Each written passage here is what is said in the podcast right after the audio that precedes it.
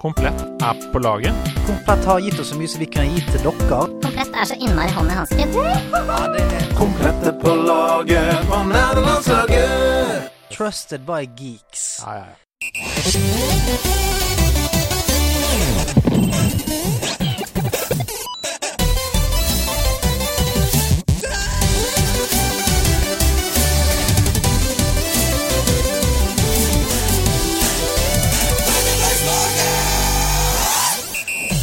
Han er tilbake fra pappaperm. Nå har han vært borte i mange uker. Han er klar for å snakke litt om dataspill, TV-spill. Har spilt en del på mobilen i det siste og er klar for moro denne sommeren. Jeg bare kødder. Det er selvfølgelig Hasse. Akkurat sånn som for to uker siden. Han er tilbake i programlederstolen, der han hører hjemme. Om et par år så er det han som kommer til å ta over hele podkasten aleine og kaste det ut til alle andre. Men enn så lenge må han finne seg i å dele dette podkastrommet sammen med sitt favorittmenneske i hele verden. Han sitter foran meg. Han heter Hedemann. Han heter Andreas. Hei, Andreas. Stay fresh, cheesebags! Stay fresh, cheesebags! I like it. Stay fresh, cheesebags. Ja, den er fin, altså. Den Er ikke det gøy? Det er kjempegøy. Tusen takk for fin intro, forresten. Ja. Uh, men det er Discord-André som har sendt inn catchphrasen denne uka. Stay fresh, cheesebags! Ja, den er fet. Ja, den er fet, og det morsomste som er, er med den, er at den er et produkt. Ja, for han, er, er han sponset av Stay Fresh? Han har funnet et uh, matprodukt som heter Stay fresh, cheesebags! Som er bag Altså, det er små poser med ost i. Det er rett og slett det. Stay fresh. Ja, så det, det handler rett og slett- om at uh, osten som da er i de pakkene her, skal holde seg frisk ved å være inni uh, forseglede plastpakker. Sannsynligvis. Dere kan sikkert finne dette ved å um, søke opp uh, Stay Fresh Cheesebags. Men eh, jeg var helt enig med deg. Stay Fresh Cheesebags! Yeah, det er topp fem gjennom sidene. Ja, Og vi får ikke en krone fra Stay Fresh for å si akkurat det der. Nei, det får vi ikke. Tenker du på Hello Fresh? Eh, eller tenker du på Stay Fresh, som er noe helt annet? Jeg hater å, å drite meg ut, men jeg tenkte faktisk på uh, Hello Fresh. Ja, Ikke noe mer gratisreklame til dem. Uh, og så må du ta mikken litt nærmere fjeset ditt. Og du må ta den litt lenger unna, fordi jeg klarer ikke lyden av stemmen din. Vi er godt i gang! Vi er i gang! Åssen har du det? Du, jeg har det, jeg har det sabla bra, altså. Uh, jeg våkna opp i dag, eh, og det, på vinterhalvåret så pleier jeg å våkne opp og være rasende. Ja, for det er dritt. Det er dritt. Jeg er sliten, jeg er et B-menneske, hater å stå opp. Mm. Men i dag så bare kjente jeg at jeg må bruke denne energien til noe positivt. Mm. Jeg skal, jeg, skal, jeg skal spare på denne energien til jeg sitter i podkaststudioet, og det er det du kommer til å få av meg i dag. En heltent liten poike. Poike godt. Ja, poike godt. Jeg liker det. Ja. Uh, du er on fire, jeg ser det på deg. Ja, Du har god energi. jeg har god energi. Har du, jeg, har du god energi, Andreas? Ja, det vil jeg si. Jeg er inne i min siste arbeidsuke. eh, og fra og med neste uke så jobber jeg altså i nerdelandslaget. Og det er jo en drøm. Det er, altså, det fortjener jo egentlig å poppe en champagne for det gjør akkurat det. Det er jo Og vi helt gjorde sykt. jo det på søndag, vi. Ja, vi gjorde det. Du og jeg. Ja, vi gjorde Fordi da Ja, nå skal vi eh, gire opp denne satsingen som heter Nederlandslaget. Um, det er bra for dere som hører på. Ja. Jeg er nå offisielt uh, kaptein. Altså, du, du er offisielt. faktisk medeier. Ja, jeg er medeier. deg. Og så føles det Eier du noen andre ting i livet? Du, jeg, jeg eier liksom eh, en Norwegian-aksje, en SAS-aksje, liksom. Ja. Eh, men det er bare sånn fordi jeg syns det var gøy en gang i tiden. Eh, og så eier jeg jo eh, Jeg eier klær, TV, Ja. så mye som mat. Ja, du eier mye mat, da. Ja, ja, sånn ting jeg skal spise sånn. Mm. Men dette er, dette, jeg må si at, at jeg nå eier litt av nederlandslaget, det er jo det morsomste jeg eier. Men eh, det er jo tross alt nederlandslaget som eier litt av hjertet ditt også, så Oi, det var mørkt. det er veldig mørkt. Det var sånn, oi, wow. Uh, hyggelig at dere hører på fortsatt. Ja. At dere er her. Vi har jo med oss en gjest i dag som begge vi to kjenner fra før. Mm. Og det er jo litt gøy. Um, han er uh, den originale jinglemakeren av nerdelandslaget. Altså, det var han som lagde den aller første jingle, og det uh, skal vi snakke mer om eh, når han kommer inn, men aller først. Ukens gjest tok sine første steg på Oslos østkant og var tidlig et åpenbart underholdningstalent. Han har vært frontfigur i en rekke band som Fartein and The Jazzmakers, Psychonauts, Liquid Gold, Billy's Hell, Retard Society, A2A, Tuba Tuba og Posterboys, men har også dominert Oslos skolerevyscene. Han ramla tidlig inn i NRK-systemet, der kanalen til slutt forsto sitt eget beste og tjoret han fast i masta som redaktør for fredagssuksessen Kåss i kvelds. Han har produsert og medvirket i en rekke podcast, radio og TV-programmer, men har også spilt gitarsolo på Totolåta Africa på taket av Rockefeller med Hasse Hope som vokalist. Ukens gjest har en stående norgesrekord i aldersbestemt friidrett, gikk med Kåss Hedstedt Konstantrus Halsen fra 2005-2011, var en periode panteansvarlig på Ultra Bryn og er kjent som vokalist og gitarist Steven Rochdale fra det legendariske jambandet The Bones. Han er som regel alltid Valuigi i alle Nintendo-franchiser, et uforståelig valg Han må forsvare i dagens podcast. Ta vel imot underholdningsmaskinen Anders Korsmo Løland! Stay fresh, cheesebags. Hello Fresh!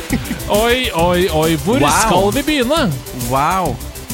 Jeg ble tatt helt på senga. Ja. Dette var eh, Herregud, du har, du har, eh, du har snakka med folk.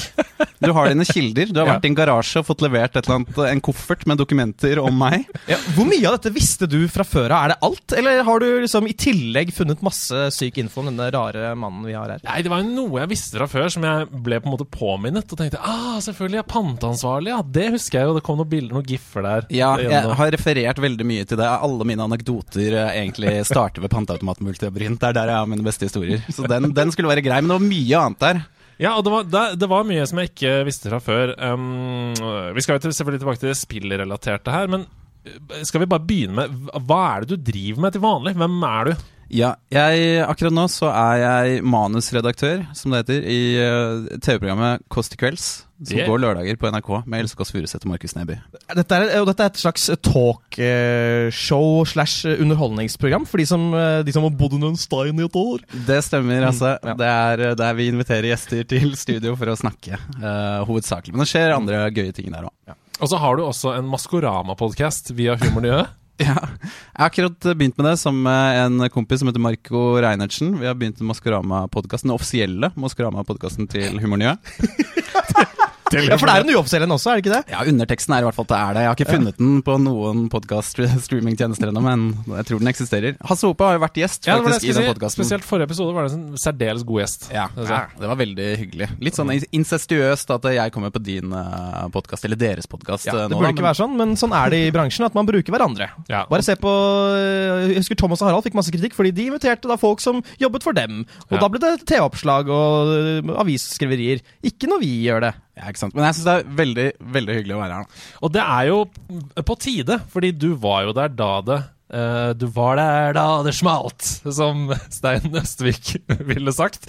Uh, fordi Stein Østvik, ja. Svein. Svein. Ikke si feil. Andreas. du er for langt unna mikken, jeg sier Stein Østvik. Hvor skal dette ende? Nei, altså, det kan bare gå én vei. Ja. Ned. Um, Stay fresh, cheesebags. Ok, Hver gang vi føler at øh, det blir noe skurr på kabelen, så må du si det. Er det en avtale? Ja, jeg tror jeg, har, jeg er allerede klar for det. Ja. Det var så godt. Det var en veldig god catchphrase. Fra nå av så kommer jeg til å gjøre sånn her òg. Shots fired! Hver gang noen sier noe som er uh, provoserende. Veldig, veldig bra. Det har uh, nemlig Fark laget til oss til denne uh, sendingen, så fra, eh, fra nå av i nerdelandslaget så kommer shots fired da hver gang du sier noe for eksempel, veldig provoserende. Som Ja. du ofte sier. For eksempel eh, hvis jeg sier øh, Og dette mener jeg ikke Anders, men øh, hvis jeg sier til Anders, da Anders, er det ansiktet ditt, eller har er halsen din kastet opp? Stay fresh, cheesebacks. Jeg vet ikke om det var riktig bruk av den catchphrasen, men, jeg, men etter hvert så skal jeg i hvert fall bli såpass kjent med cheesebags-catchphrasen at jeg bruker den korrekt. Ja. Og eh, for å spole tilbake til der vi var da jeg sa Stein Østvik. eh, du var der da nederlandslaget ble unnfanget. Det stemmer. Da var du som lagde den aller, aller første jinglen vår. Ja, det er sant. Uh, På, en- på en natt, eller noe sånt? Ja, det tror jeg. Det Jeg tror en natt er riktig presisjon også. Jeg minnes liksom å sitte oppe på natta.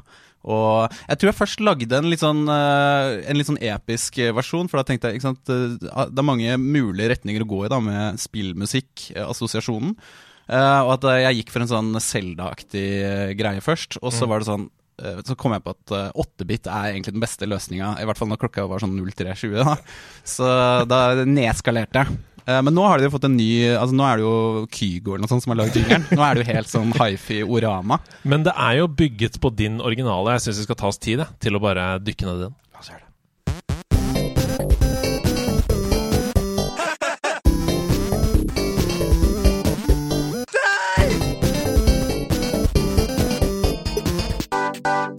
Nerdelandslaget.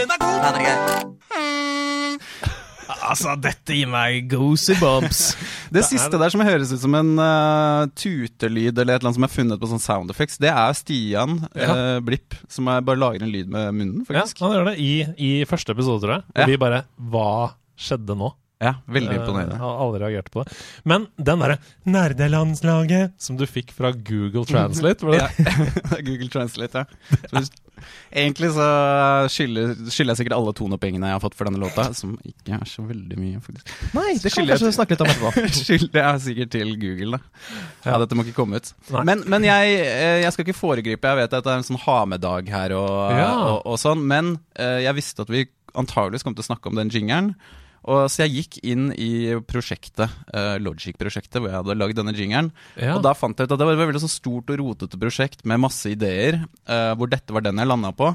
Men det var også en litt sånn extended version der, Oi! med en liten bridge. Oh! oh herregud eh, så, så, det vi har hørt nå, eh, er jo den som eh, den nye jingeren deres har basert videre på. Den melodien du, du, du, og alt det mm, der. Mm, mm. Men jeg fortsatte liksom litt videre. Jeg ga meg ikke og lagde en for lang jingle eh, med et mellomspill hvor jeg liksom forestilte meg at du og Stian, da, som var de opprinnelige første mm. programlederne Fun fact. før, før deg, altså at det liksom var ute på en slags sånn adventure, litt sånn, eh, ja, litt Zelda-style da, kanskje. Og så uh, Ja, vi kan jo egentlig høre det. Og, Ja. og, og, for jeg har, det, jeg har tatt det med. Oh, fantastisk. Ok, da, da, da, setter jeg det i gang, jeg. Ja, så det første er starten, og så kommer vi liksom til dette partiet.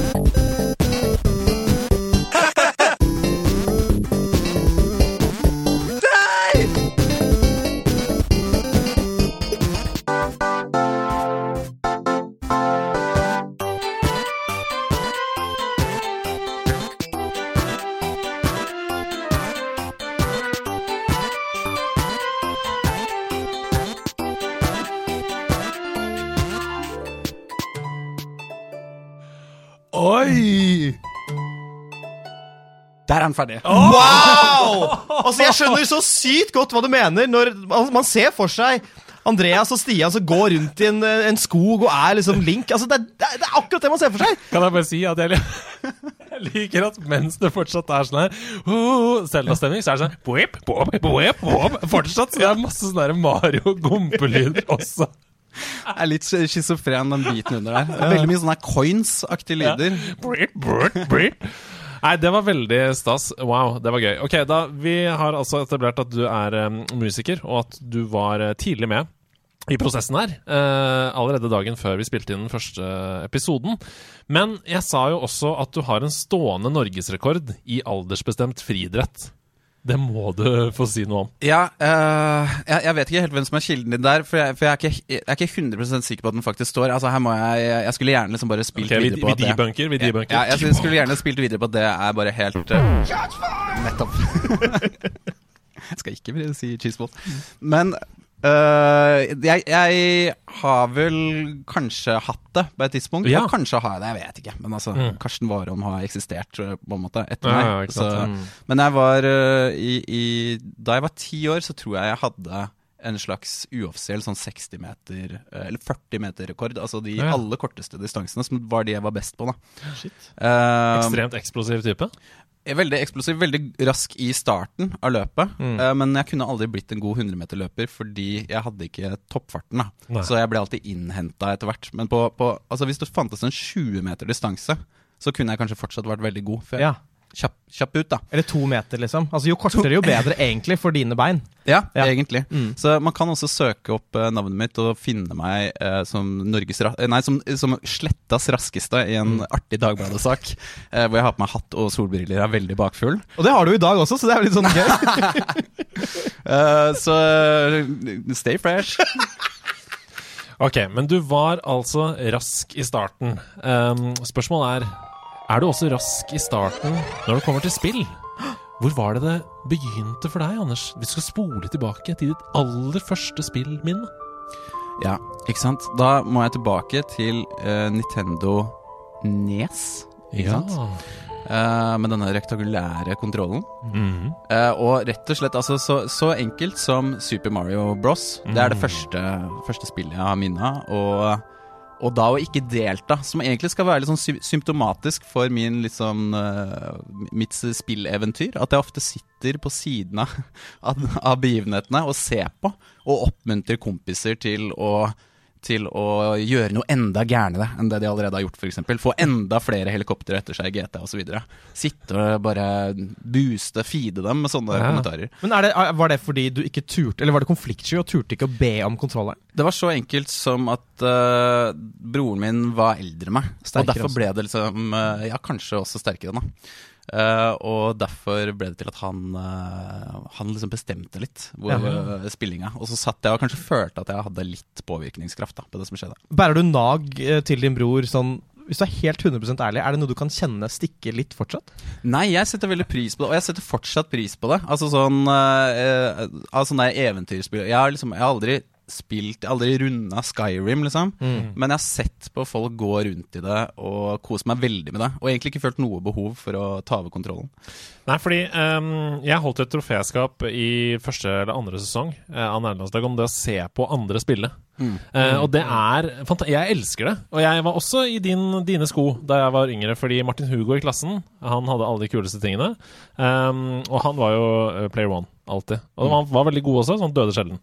Så det var, det var mye seing. Eh, og jeg likte det. Jeg likte å se på Carina of Time og se på Å, jeg hører Golden Skulpturla. Jeg vet det, Bare snu deg litt rundt. Ja, der er den, ja. Andreas Osvald, du hørte Golden Skulpturla om Sånn. Det er digg. Mm. God følelse. Ja, absolutt. Men så har jeg jo selvfølgelig spilt eh, en del selv, og da er det Altså, For meg med fotball, for eksempel, så pleier jeg alltid, hvis det blir en fotballsamtale, så leder jeg den samtalen mot slutten av 90-tallet.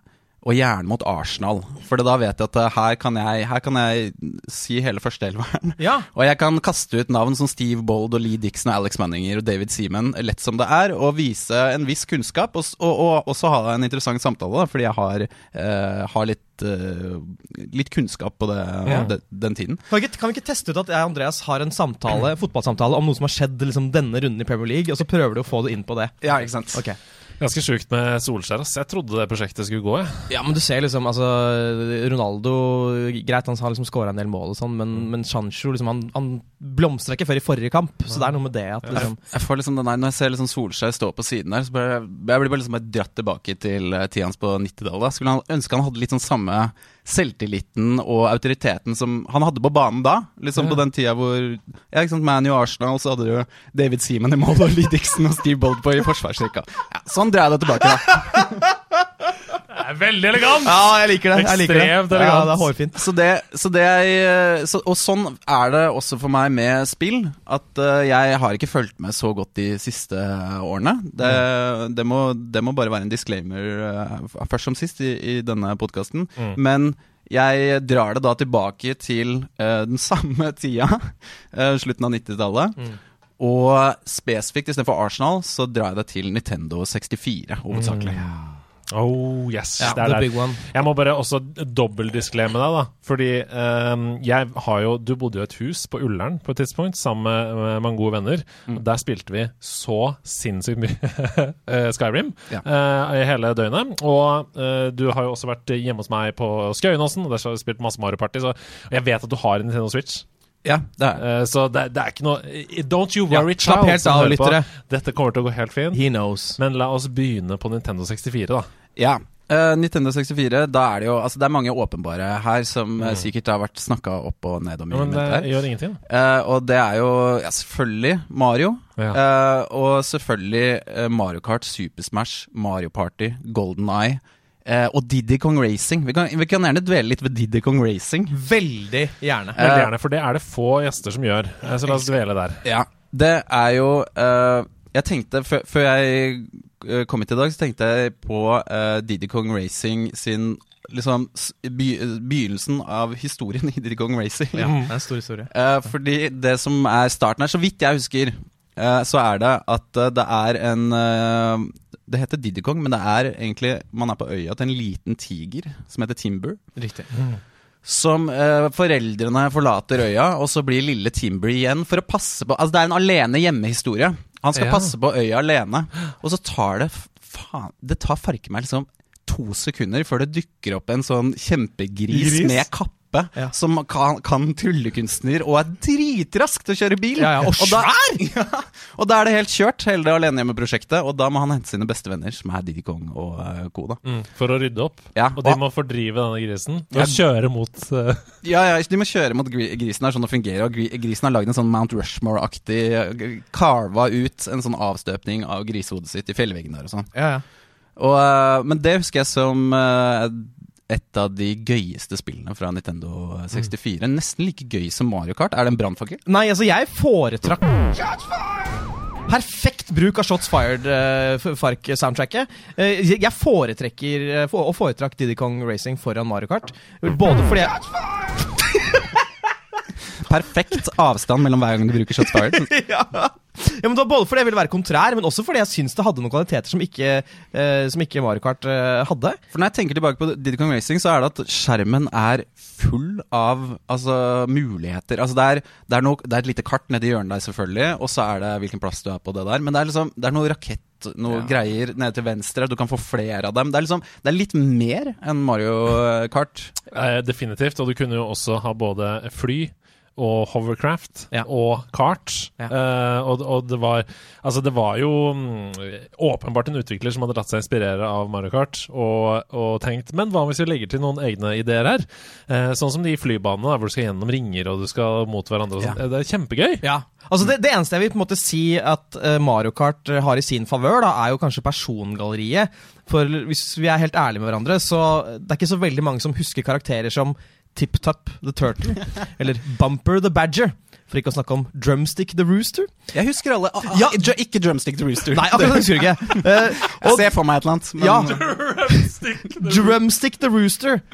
Eh, Selvfølgelig, Man husker det hvis man spilte det spillet veldig mye, men man kan ikke si at disse har gått inn i liksom, the Cannon som store er spillkarakterer. er Drumstick er ikke med i Smash. Og Nei, det er ikke, og det har ikke blitt noen sånn franchise av Drumstick the Rooster. Det er ikke sånn Om å kjøpe Drumstick the Rooster 3 som er ute, Det, det eksisterer ikke. Slåssespillet. Det er slåssespill. Det kommer rett på VHS, på en måte. Shots fired. Ja, ja. Nei, nå- fikk du ikke den lyden, da. Nå ble det ikke det. Nei. Men uh, ja, så det setter jeg veldig pris på, og så men, men jeg må bare se, fordi um, Det var jo sånn i, i Diddy Kong Racing at du valgte ulike ballonger. Du kunne velge i mye større grad også enn i, enn i Mario Kart hvilken power-up du fikk. Fordi det var sånn som i Lego Racers også, så var det jo farge på ballongene. Hvor det var en kategori som var sånn farts-upgrade, en kategori som var sånn eh, rakettskyting og skyting og sånn. Hva slags spiller var du der? Var du som ville eh, eh, først frem og ha liksom speed upgrade og sånn, eller ville du ødelegge for de andre? Eller var du dynamisk?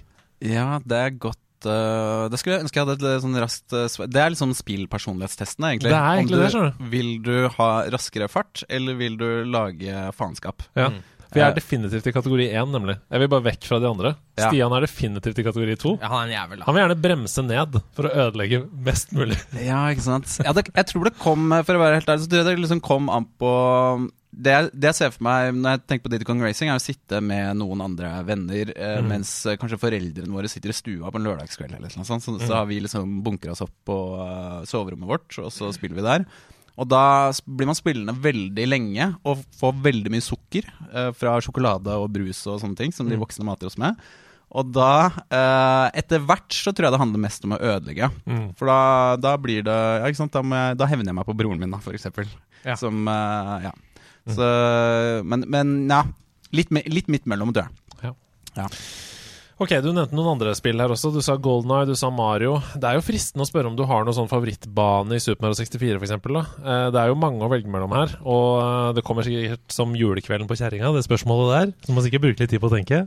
Ja uh, Vario Stadium eh, likte jeg eh, I Mario Kart, ja. Ja, hva sa du nå? Jeg sa Super Mario 64, men, eh, Svar på spørsmålet, eh, Anders. Men, men i Mario Kart så er det, det er helt uh, gullende godt å trekke fram Vario Stadium. Jeg begynte umiddelbart å tenke på Mario Kart. Ja, i Super Mario 64 uh... Vil du høre noen av banene? Ja. Bomb, Bob Bomb Battlefield, altså første banen, den er jo ikonisk. Og så har du Womps Fortress, Jolly Roger Bay, Cool Cool Mountain med pingvinen.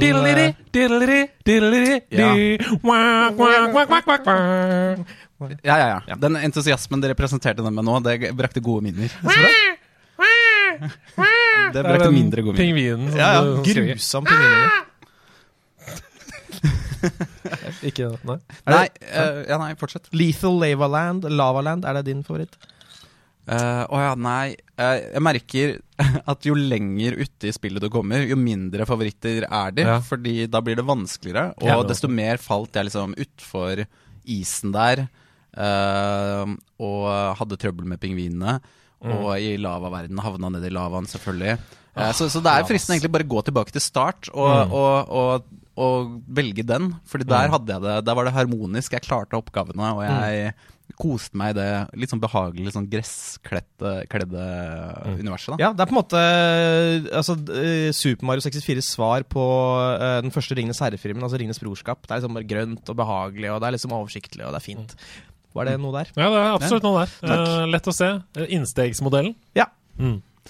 Mm. Uh, Golden Eye, da? Hadde mm. favorittvåpen, favorittkarakter å være? Ja, jeg elsker å snakke om våpen i Golden Eye! Uh, ja, det var Jeg ble alltid veldig dårlig til å sikte i skytespill og sånn. Ja, ja, ja. Så sånne pistol Eller alt som var sånn der Alt som hadde lite ammunisjon, ammunisjon Ja. og liksom var veldig Sniper, liksom? Ja, nei, nei. Nei. nei, nei, nei. Altså, jeg tror jeg hva, Altså, hvis du hva, Hvilket våpen var det som hadde mest ammo? Uh, RCP-90 var det vel? 90 Ja, det være. Ja, Ja. Nesten garantert at det, var det jeg valgte. Mm. Det eller bazooka, fordi, ba, fordi Fordi det er Trenger jeg si noe mer? Nei, trenger jeg.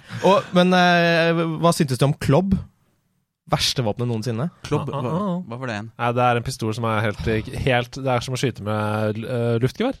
Ja. Sånn Ja, er det. Nei, det Skal ikke ha for, ikke for meg. Og jeg vil heller ikke ha baksiden av det ene geværet. Du kunne slå med Husker du det? Du kunne slå med den derre hva du, som du har på Hva heter det? Den støtte på Kolben? Ja, Ja, ja, ja. Du kunne slå med kolben. Nei, nei, nei. nei. Du hadde sniper, og så snudde du den når du gikk gjennom våpenet ditt.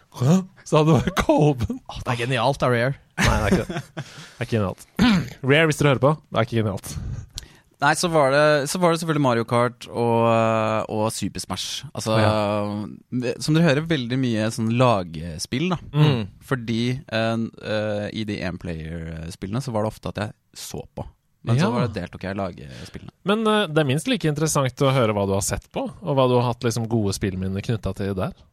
Uh, ja, uh, jeg, kanskje vi skal touche inn på noe igjen i Hame. Oi, det blir spennende. Oi. Spennende. Så, Gleder men eh, men eh, ja, jeg så på Det er Wingsuit-spillet. Og Pilot Wings. Ja. Pilot Wings. Release game, release Ja, game. og det var jo Altså, Pilot Wings har jo eh, De lærde strides, eller De nerde strides, mm -hmm.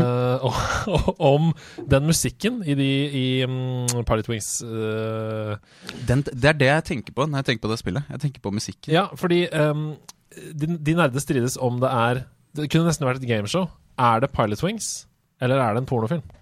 Det er det som er på en måte gameshowet. Ja. Så hvis du, hvis du Det hører på funky. Ja, Hvis du hører på liksom uh, musikk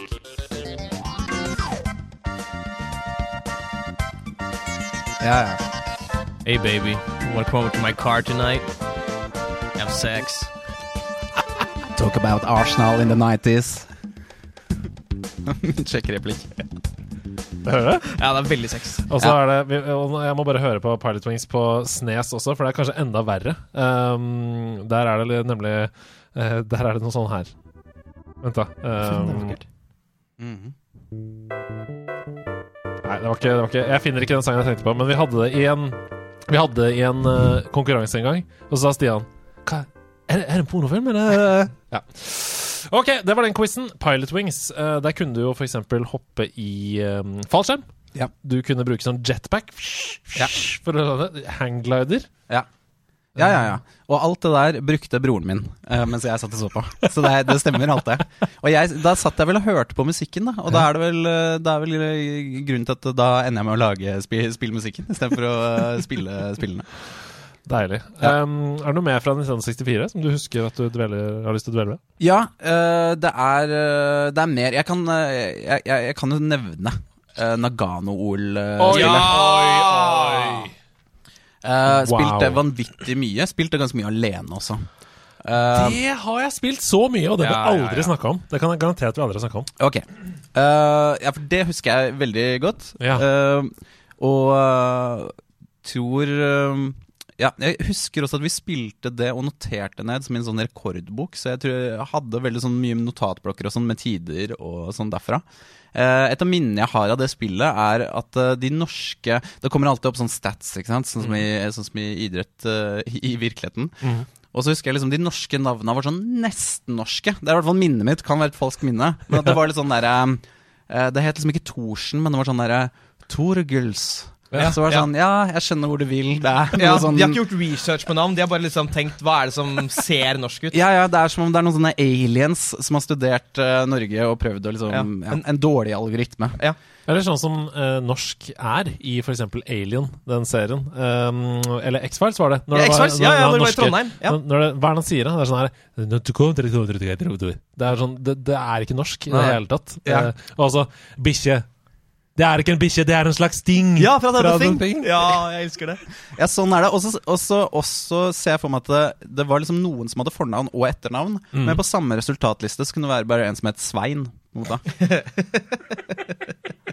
Så det, det, det, var, det er i hvert fall er Ja. observasjon fra det spillet. Men vi eh, jeg, Det var veldig mye skihopp, veldig mye skøyter. Og, eh, og så husker jeg at jeg tenkte hvorfor finnes det ikke et langrennsspill? For det var jo det jeg var mest interessert i å se på selv. Det og skiskyting. Det var ikke langrenn i Nagano-spillet? Nei. Nei, det hadde jeg glemt.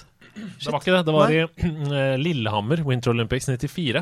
Der var det både skiskyting eh, og langrenn. Hvor du måtte trykke sånn, sånn, sånn, sånn, sånn som i track and field for å, for å løpe. Track and field, det husker jeg også veldig godt. Oi, oi, oi! Selvfølgelig husker du det. Så det var sikkert samme spillutgiver. eh. Kanskje, kanskje det. Konami Ja. inni bildet der. Ikke sant? Nei, men eh, jeg husker at i Winter Olympics 98 så var det ett spill vi aldri spilte, inntil faktisk Norge vant gull i curling.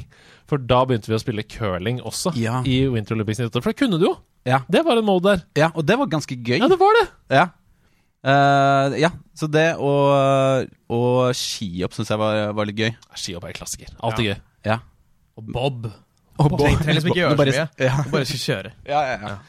Eh, ja, så det var, det var et veldig kult eh, spill som vi spilte veldig mye. Og Banjo Kazooie kom jeg også på nå når vi satt og snakka. Bare nå renner fem-liste! Ja, ikke sant, for nå kommer spillene eh, På til meg. løpende bånd. Ja, det husker jeg som litt sånn skummelt. Ja, det er det. Det er jo en heks. Det er en heks. Som, Ja, eh, dritskummel. dritskummel. Og Og sånn- sånn- hodeskallegreier og Ja. Og så sånn der musikken, da tenker jeg en sånn tuba Altså verdens billigste tubalyd, er det jeg hører for meg. Ja, ja, ja. Uh, med noe banjo, og det er litt sånn Ja,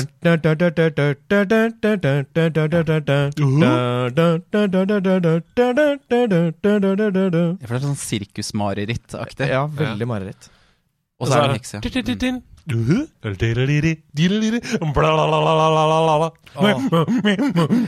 ja. og noen grevlinger som driver og graver opp og ned i jorda. Men det er, ditt, det er et av dine favorittspill? Ja, det er på topp fem-lista mi, liksom. Ja. Ja, ja. Det er fantastisk. På jakt etter noter der, og puslespillbrikker og mye Mm. greier. Mm. Mm.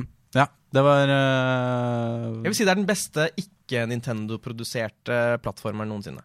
Mm. Det vil jeg si. Ja. Det var interessant. Jeg 3D-plattformeren eller plattformeren? 3D-plattformer, da. Okay, ja. Hvis man, ja, det er mange gode 2D-plattformer. Mm, jeg er en forferdelig fyr i dag. Stay fresh, cheese balls. Balls, nå! Hæ, var det ikke det i stad? Bags! Ikke dra inn de greiene der. Ok. Noe annet på 1964, eller? Før vi skal videre? Uh, helt sikkert noe jeg har glemt. Jeg sa jo Mario Party og Super Smash og sånn. Husker du karakteren din i Smash? For det er ofte sånn vi spør. Ja. Det husker jeg. Hvem er det? Kirby. Oi! Du er Oi. alltid Kirby, ja. Alltid. Jeg sa jo i introen her at du som regel alltid er Valuigi. Ja, det, det var Jeg orka ikke å liksom begynne å jazze for mye på å rette. Det var den eneste sånn egentlig feilen oh, ja! jeg, jeg tror du hadde der. Hvem er det du alltid er? Valuigi. Jeg tror jeg aldri er Valuigi. Men er det- jeg, jeg er- alltid Valuigi. Det er Luigi du er. Ja, jeg er veldig ofte Luigi. Ja. Um, ja, det er ikke noen spesiell grunn til det. Men Kirby i Super Smash, og det er fordi Kirby kan blåse seg opp mm. og fly over de andre, som jo er, jeg mener er den beste egenskapen. Overpowered. Ja, fordi da kan du kan forlate uh, fighten yeah. veldig lett. Dette gidder jeg ikke mer. Ja. Istedenfor å stå og, og fighte, så kan du bare fly over. Yeah. Og så kan du jo gjøre deg om til en uh, murstein. Og Falle ned på den. Mm. Ja, så det er Det er jo helt uh, uovervinnelig. Jeg vil si at det er omtrent like feigt som å, kjøre, å bare kjøre Pikachu sin uh, lynattack, der han bare kry kryper seg sammen og får lyn i hodet. Det er omtrent like feigt. Ja. Jeg, jeg var alltid i Smash Bros. Jeg var veldig veldig feig, for jeg var alltid uh, Samus, altså fra Metroid, og bare plirom, plirom. Ja. Lagde sånn bombe. Plirom. Samus var jeg også av og til. Ja. Jeg var mest Kirby, så var jeg litt Samus. Det, det er, dette er vel på sånn spillpersonlighetstest, sier vel kanskje noe om meg. Jeg, er, jeg liker å være de som kan flykte fra situasjonen. Og så holde på med sin egen greie og vende tilbake. Ja, for da kan du også lade opp et sånt kjempeskudd. Og da er det ingen som kommer nærmere, så kan du bare slippe den. Ja, ja. Favoritten var å spille en stor bane og så liksom flykte fra situasjonen. eh, Finne meg et sånt hjørne. Ja, ja, ja. ja, Og så begynne å lade, og så vende tilbake til fighten med en sånn heftig bazooka. Ja. Mm. No, no items, eller all items i Smash. Eh, Altså at det kommer ned Ja, Pokémon-baller, ja. at det kommer hammer. Jeg tror, vi ofte spilte med all items. Ja, Ja. det er eh, mye morsommere, syns jeg. Jeg er ikke noe sånn Sånn at det var helt kaos, liksom. Ja, det er gøy. Pokerballer, og du kaster, og så kommer Blastoise. Og... Ja, ja, ja, ja. Men det, ja, ikke sant, fordi eh, jeg tenkte på det Tenkte på det før jeg skulle hit. At det liksom, ok, jeg, har, det er, jeg tror det er mange sånne hull da eh, i spill, men jeg tror alle de største, største hullene liksom befinner seg i liksom sånn PlayStation-univers og sånn. Fordi Ja. uh, jeg har uh, sikkert siden den Super Mario Bros-oppveksten der uh, alltid liksom helt mot de eh, mest sånn LSD-aktig, i mangel på en bedre analogi. Altså For meg så er Nintendo er LSD, eh, og PlayStation Det er sånn crack og heroin. Altså det er sånn, det er, jeg forbinder PlayStation med sånn mørkt. Der, man, der drep, i, I Nintendo så dreper man folk ved å liksom hoppe på dem, og så kommer det en sånn ploing-lyd, og så, det, så får du en blomst, og så skyter du noen baller. Og så i eh, Nintendo, Mens i PlayStation så har du en ekte gunner og blaster folk i Og det spruter blod, og de Og det spruter blod, og det er grått, og Ja. Du spiller kanskje til og med en sånn deprimert figur. Backstoryen er at han er deprimert. Ja, ja. Ja, og det kan godt hende at Vario er deprimert, f.eks. i Nintendo, men han virker som en liksom blid fyr der likevel. Og eh, det er, er ikke sånn at Kirby Det er ikke sikkert Kirby har det så bra heller, men Nei, det det, er er sånn masse farger, mye Det tiltaler, tiltaler meg veldig, da. Mm. Så det vil si at um, fra Nintendo 64 For jeg vet du har spilt litt Dreamcast. Nei, jeg mener GameCube. Det vet du har spilt. Ja, litt. Ja. Mm. Og spesielt hos eh, din venn Stian Engen. Det har Ja. vært mye Mario Party 4 og sånt. Ja, så Mario Party er vel kanskje noe av det jeg har spilt eh, mest. Og det underbygger jo akkurat det jeg sa nå, for det er vel få spill som er så liksom Ja, det er som om du har helt eh, LSD og Red Bull i en gryte og bare rørt om og helt i deg, og det Jeg elsker det. Ja. Jeg elsker ikke LSD og Red Bull, egentlig, Nei, du noen av delene, ikke, men men jeg elsker den. Ja, jeg elsker det i spillformat. Jeg tar ikke narkotika.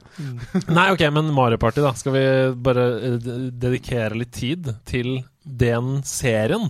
Fordi Mm. det har jo fulgt deg gjennom fra Nintendo 64 til GameCube på Switch. Vi har jo spilt uh, Super Mario Party sammen, og um, ja, det har jo fulgt deg hele veien. Hva, hva er det med det som er så gøy? Eh, det, ja, ikke sant? det er veldig beskrivende navn. da Mario Party. Det er en uh, fest. Uh, det er en uh, slags sånn konfettifylt kostymefest, på en måte. Det er også et ti... Altså, man må, det er multiplayer-spill. Så du må være en gjeng samla fysisk i samme rom, som jo er koselig, syns jeg. Og så er det en sånn uforutsigbarhet der, da. At du, du spiller ikke det samme spillet om igjen, men du Det, det er proppfullt av minigames, og du vet ikke helt hva som kommer. Og den, da, da får jeg sånn boblende følelse når, når det ruller sånne minigames kjapt forbi skjermen, og så går det saktere og saktere før det lander på ett spill. Da, nesten uten unntak så får det, Det gir så mye dopamin Ja. til meg. Da blir jeg så glad, uansett hva det lander på, nesten. Sånn, da, da lager jeg en lyd. Og så uh, ler jeg ofte av hvor absurd det er òg. Ja, og spillene har, ofte, har alltid geniale ordspillbaserte navn. Litt sånn som eh, D2 sine overskrifter på sine artikler. Veldig god analogi, Hasse. Takk. Ja, for eksempel Tug of War. Ehm, som jo er det spillet på Super Mario Party 1, hvor du drar et tau, og så skal, faller det ene laget ned i en skrent. Hvis det Ja. Ja. Og så er det mange spill der, dette har vi snakka om litt før, Andreas, siden vi Mm. har spilt dette sammen, og det er mange spill der som uh, har noen litt sånne seksuelle undertoner. Okay. Det er det bare du som ser. Nei! Men det er helt Det er moro for barna, og så er det litt moro for de voksne, for de skjønner for eksempel Shake it up! Ja. Fordi, men det er også Det er også aldri Jeg vet ikke hvor dypt vi skal inn i dette, men det er også veldig sjeldent uh, Med seksuelle undertoner så mener jeg ikke at det minner om uh, samleie. Det minner veldig ofte om uh, onani, rett og slett. Jeg bare sier det som det er. Det er veldig ofte det de lekene minner om. Og det er jo gøy uh, litt utpå kvelden der. Ja, og da kan man le av det. Mm. Mm. Elsker det. Karakter i Mario Party? Eh, ja, da avslørte du meg kanskje litt med Luigi, da. At Ja, han han Uh, Ja. Men jeg er litt fleksibel der, tror jeg. Ja, du, du har vel kanskje litt bu og, eller nedpå Nei, han Nei. ville aldri tatt Nei, du er aldri aldri tatt bu. Nei, du er aldri nede i det mørke. Du skal bare ha det gøy og Farger. bra. Ja, farger. Ja. Hva med deg, Hassemann? Hva er det du ville valgt i Mario Party? Hvem pleier du å være? Du, altså, jeg er jo det du snakket om i introen til, til Andreas Nei, til Anders. Eh, og det er jo at jeg er alltid Valuigi. Å ja, det er du som er! Alltid Valuigi. Wow. Altså Hver eneste gang, enten jeg spiller Mario Kart uh, Hvis jeg spiller Golden Eye, så må jeg være Valuigi. Da uh, får jeg koda inn Valuigi. altså, og, og mye fordi jeg har lært meg hvordan han, uh, hvordan han ler. Ja. Wow.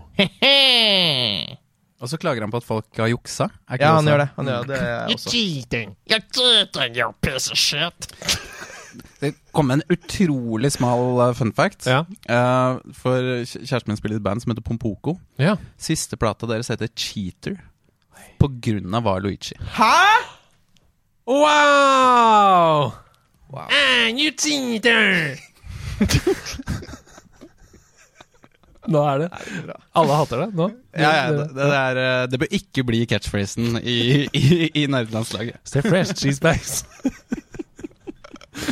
ok, ehm, eh, hvis vi skal hoppe litt eh, For jeg, vet jo at um, Som sagt, Nintendo har fulgt deg. Du har kjøpt deg en Switch. Vi skal tilbake til det. Men du har jo også vært litt innom liksom data mm, Altså PC-genererte spill. Fordi du har jo f.eks. spilt um, uh, Air Console sammen med meg. Ja.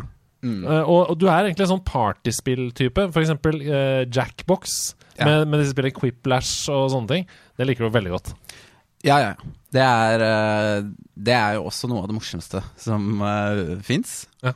ja, det, var jo en sånn uh, pandemiaktivitet, da. Mm. Uh, når vi alle måtte sitte hver for seg og sånn. At vi kunne faktisk sitte og spille Quiplash. Og det var en gave. Mm.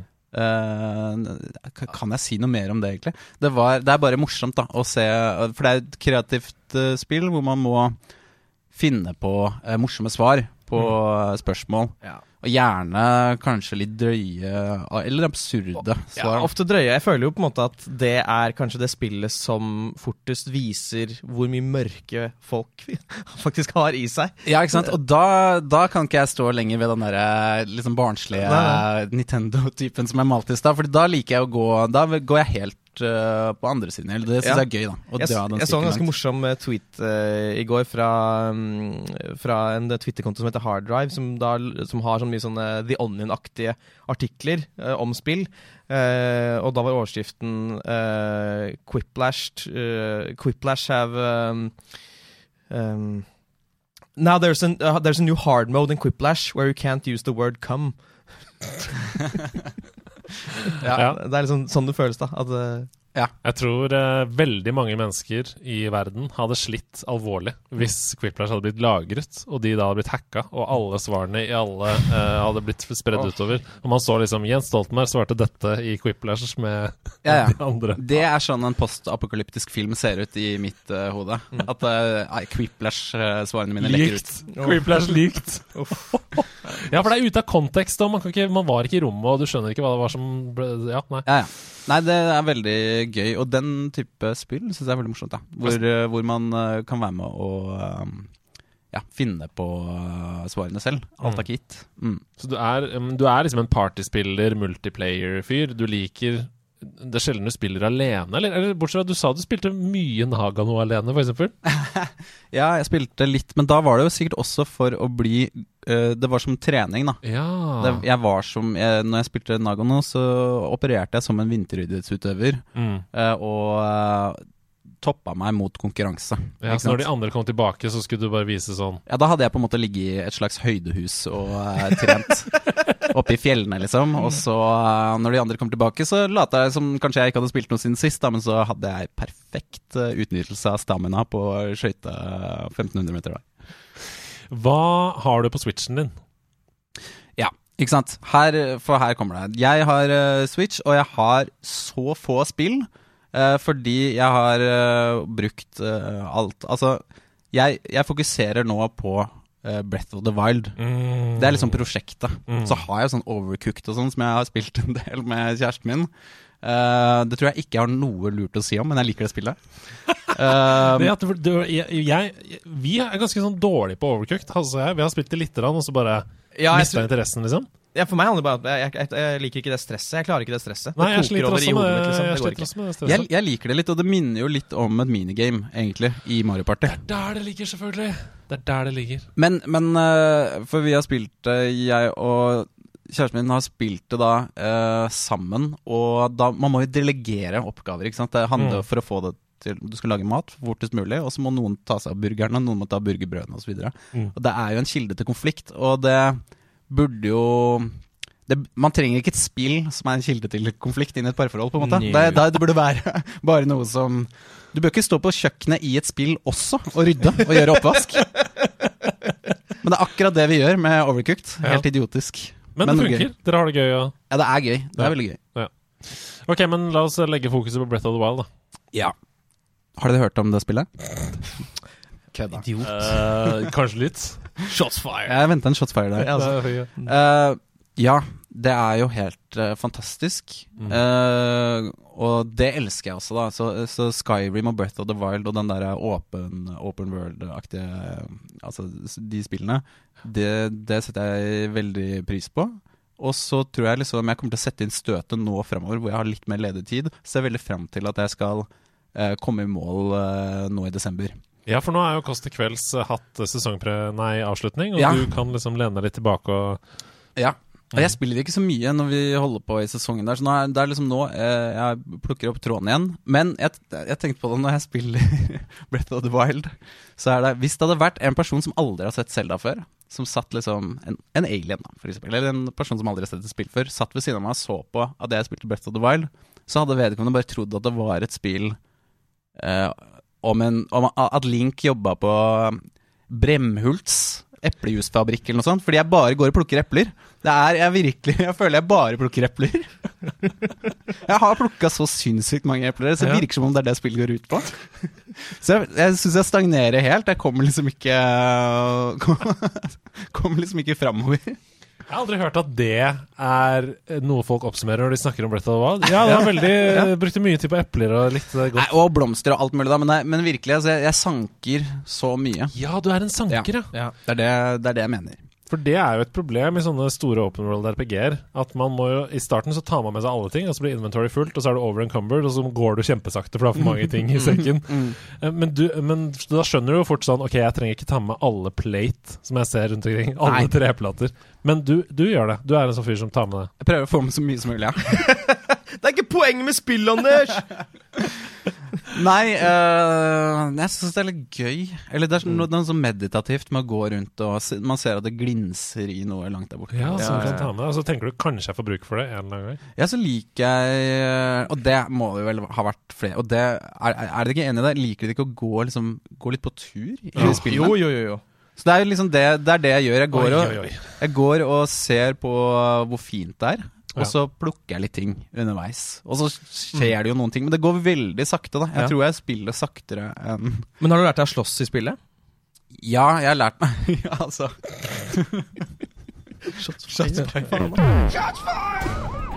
Stay fresh. Ja. ja. altså jeg er ikke helt uh, Nuboline? Jeg er ikke helt uh, Nuboline. da. Men er det uh, dere som eh, Som eh, har spilt sikkert enda flere, da uh, sånn open world-spill og sånn enn meg. Hva Mm. er, det, er det så bra som jeg uh, Det er det aller beste open world-spillet noensinne. Ja, ikke sant. Jeg syns også det. At det er det beste open world-spillet som har kommet. Um, I hvert fall vi skal se på det objektivt. Jeg har jo et veldig sånn personlig og nært forhold til Skyrim. Uh, mye pga. den tiden vi satt og spilte det i. Uh, Mm. Hopper litt tilbake til det. Den tiden når dere spilte i band og bodde på Ullern og hadde hvert deres soverom i et stor, en stor enebolig der. Mm. Og livet gikk i å studere, Mm. lage musikk, spille Skyrim og være på fest. Det var det vi gjorde. Gutta! ja. Eh, Og jeg var jo bare gjest, jeg bodde jo ikke der. Det var dere som bodde der, men jeg, jeg, følte, jeg sov jo på sofaen en god del. Um, men det der, å, å starte i Skyrim og ikke ha noen plan, og bare gå mot et sted på kartet og se hva som skjer underveis, og så leve som om man lever i Skyrim, stoppe ved mølla, sage litt ved, Uh, passe på at innbyggerne i Riverwood eller, eller uh, de forskjellige stedene har det bra, Uh, jakte litt på The Golden Claw for niende gang i Bleak Falls Barrow fordi du har starta spillet på nytt uh, igjen og igjen og igjen. Ja, ja. Bare meditativt. Ja, det er, øh, det er, det er den liksom største kvaliteten, egentlig. For jeg vil, jeg heller, jeg vil, jeg vil nesten heller gå langs en sånn sildrende bekk Mm. uh, i et nydelig landskap og plukke noe blomster, enn å havne inn i en sånn inn i en fight. Mm. Selv om jeg er nødt til det for å komme videre og oppdage nye spennende steder. da Nye sildrende vekker. ja, ja, det er egentlig det som er målet mitt hele tiden. Ja. Nei, men øh, jeg, og det var også appellen med Skyrim, da. Da må jeg spørre deg, Andreas. eh, For, for jeg har ikke spilt uh, spillet Death Stranding. Men det er jo et gå på turspill som du har Mm. brukt veldig meditativt. meditativt. Tror du det er noe for eh, Anders? Nei, fordi det er altfor skummelt. Uh, og altfor stress. Altså, I lange perioder i Death Stranding så gjør du ingenting annet enn å gå mot f.eks. fjellkjedet. Og Det er jo lagd av Hidio Kojima, og det er eh, populærkulturell musikk som er til det. Og i, i lange perioder så skjer det ingenting. Du bare går og går og går og prøver å balansere en sekk i et postapokalyptisk eh, åpen verden. Og så kommer du kanskje over en fjelltopp, og da bare Begynner musikk å spille idet du ser utover helt nytt sånn stort åpent, og du bare Og dette er helt fantastisk. Det føles som en gevinst da, for den veien du har gått. Men når du da går ti minutter til, så bare lukker himmelen seg, og det begynner å komme sånn åh, skapninger ned som du må dodge, for hvis ikke så spiser de deg sånn Som sånn uh, Dementor i, i uh, Harry, Potter. Og det er helt forferdelig. Med en gang det begynner å regne, så er det sånn Ja, nå er jeg verdens minste eh, skapning, og alle kan drepe meg, og jeg er ekstremt sårbar. Så da mister du den følelsen av Det er ikke det samme som å gå ved siden av en sildrende bekk og oppdage kanskje en liten laks som man plukker med seg. Eller noe sånt. Ikke. Men jeg tror du kunne kost Det er dagens dårligste replikk. Men Ja, det er det. Eh, Jeg tror du kunne kost deg i- med deler av Death Stranding. Det er bare jeg syns personlig at det er eh, skummelt til tider. Ja, ikke sant. Uh, nei, da hørtes det ikke for Det hørtes ikke ut som noe for meg. Men bare for å runde av din spillhistorie og egentlig ditt nerderi, da, uh, før vi går videre her. Fordi du er jo egentlig veldig glad i fantasy. Det vet jeg jo at du er. Vi hadde jo noe som het Onsdag kveld fra Hobbitun, hvor vi så Ja. alle Ringenes herre-filmene uke etter uke, og så Hobbiten inntil da premieren på den siste filmen på kino. Ja, og jeg har faktisk eh, også sovet utenfor Colosseum for å se Harry Potter 7. Ok. Eh, Ok. Ok, der var vi. Der satt den. Ja, Det er det ingen av oss som har gjort. Nei, det har vi ikke. Nei, det, for, hvor kommer den interessen fra? For fantasy og, og eventyr og drager og trollmenn? eh, ja, si Jeg vet ikke helt hvor den kommer fra, men jeg har den i hvert fall. Jeg, jeg liker eh, Ja, som jeg sa, da, med Nintendo og PlayStation. Jeg liker det fantasifulle Litt sånn kreative overskuddet da Mm. til Mario-spillene og sånn. Altså hvor det er uh, Hvor karakterene er komiske, det de gjør er komisk, og det dukker opp uforutsigbare elementer. Og det er veldig sånn kvantitativt. Det er veldig mye. Mm. Veldig masse inntrykk. Det liksom er noe skjell og bananer og noe du Det er litt det som er kult med uh, japansk uh, populærkultur i det hele tatt. da At eh, Mens, mens de, i Disney-filmene er eh, et dyr som kan snakke, så er det liksom i Ghibli-filmene så er det en klump med ett øye eller noe sånt. Mm. Det er liksom Det, det, det elsker jeg, da. Mm. Eh, det er enda De har liksom strukket strikken enda lengre. Det er enda lengre inn i liksom drømme... Uh, fantasiuniverset. Ja, fordi for eksempel Kikkis budservice, da, uh, for å bruke en Ghibli-film som eksempel, der er det en katt som snakker, og det er helt vanlig. Ja.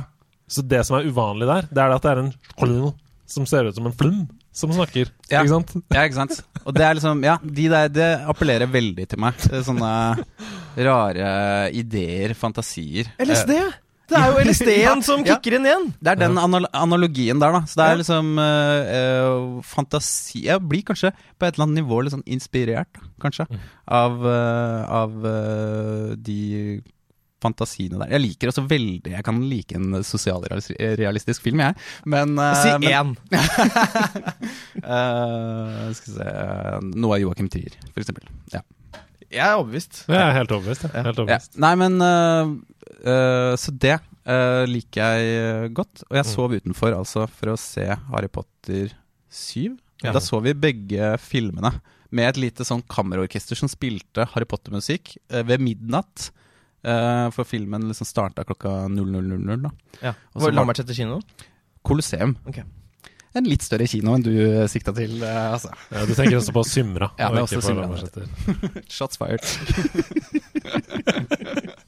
Nei, men Så deilig. Ok, Da har vi fått en fin Tusen takk for den um, oppsummeringen. Veldig deilig å høre deg snakke om disse tingene. Um, Jeg kom hva- på et spill Jeg, jeg vet du skal vi videre nå, men jeg kom på et spill til som jeg bare vil gi en liten shout-out til. Vi trenger ikke snakke så mye om det, men, men er det Limbo som uh, Ja, ikke det sant? lille danske sort-hvite spillet. jeg, jeg eh, ville bare kaste ut det. Det bare også ramla ned i Det er et fantastisk eh, spill. Uh, et av mine favoritt-2D-plattformspill. Um, veldig stemningsfullt. Og hvis du ikke har spilt oppfølgeren Inside, Det har jeg ikke. så kaster jeg den tilbake til deg nå. Ok, Det er bare å gå hjem og spille. notert. For det er enda bedre, nemlig, enn Limbo. Ok, bon appetit. Ok, men uh, on that note, uh, nå skal vi til hva vi nå spiller om dagen. Og du spiller vel da Breath of the Wild for det meste? Um, det er, vel ikke, er det noe mobilspill og sånn du spiller, eller? Nei, jeg sletta alle de appene. Men det har stort sett bare vært sånn Candy Crush-aktige Ja, ting. tidstyver. Ja, tidstyver. Mm. Så de, eh, de har ikke imponert meg, de spillene, men jeg har brukt litt for mye tid på dem av og til likevel. Har du noen mål i Breath of the Wild? Du sa komme videre nå mot jula og sånn. Er det sånn Jeg skal runde det, eller er det Ja, altså Målet er jo å jeg, skal, jeg må jo runde det på et eller annet tidspunkt, men, men det er ikke noe mål for meg at det må skje fort. Nei. Som dere kanskje skjønner. Ja, ja, ja. Uh, jeg har også liksom akkurat liksom lagd noen regler for meg selv som man kanskje gjør. da Hvor mye liksom skal jeg lese opp Hvor mye skal jeg bruke internett, f.eks. Mm. Hvor mye skal jeg liksom søke? Fra, fram til nå så har jeg ikke gjort det Mm. Noe, og så begynte jeg litt nå, eh, sist jeg spilte. Mm.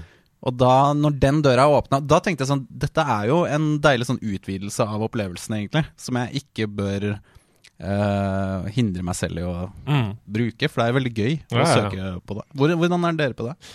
Jeg syns det skal være helt fritt, det- til hver og en. um, hvor mye man vil bruke det. Jeg pleier å um, spille helt til jeg føler jeg virkelig står fast og blir frustrert og det ikke er noe gøy lenger. Uh, da kan jeg liksom ta opp internett og si sånn Ah, det er det jeg skal ha. Mm. Og så kan jeg legge det ned igjen. Men uh, ofte syns jeg det er veldig veldig kos når du liksom er ferdig med spillet. Og lese litt om sånn Å ja, det er noen hemmeligheter som jeg ikke har funnet. Ja. Og så leser jeg kanskje én paragraf som er sånn Hvis du går til den steinen, så er det en dør bak der. Og så leser jeg ikke mer.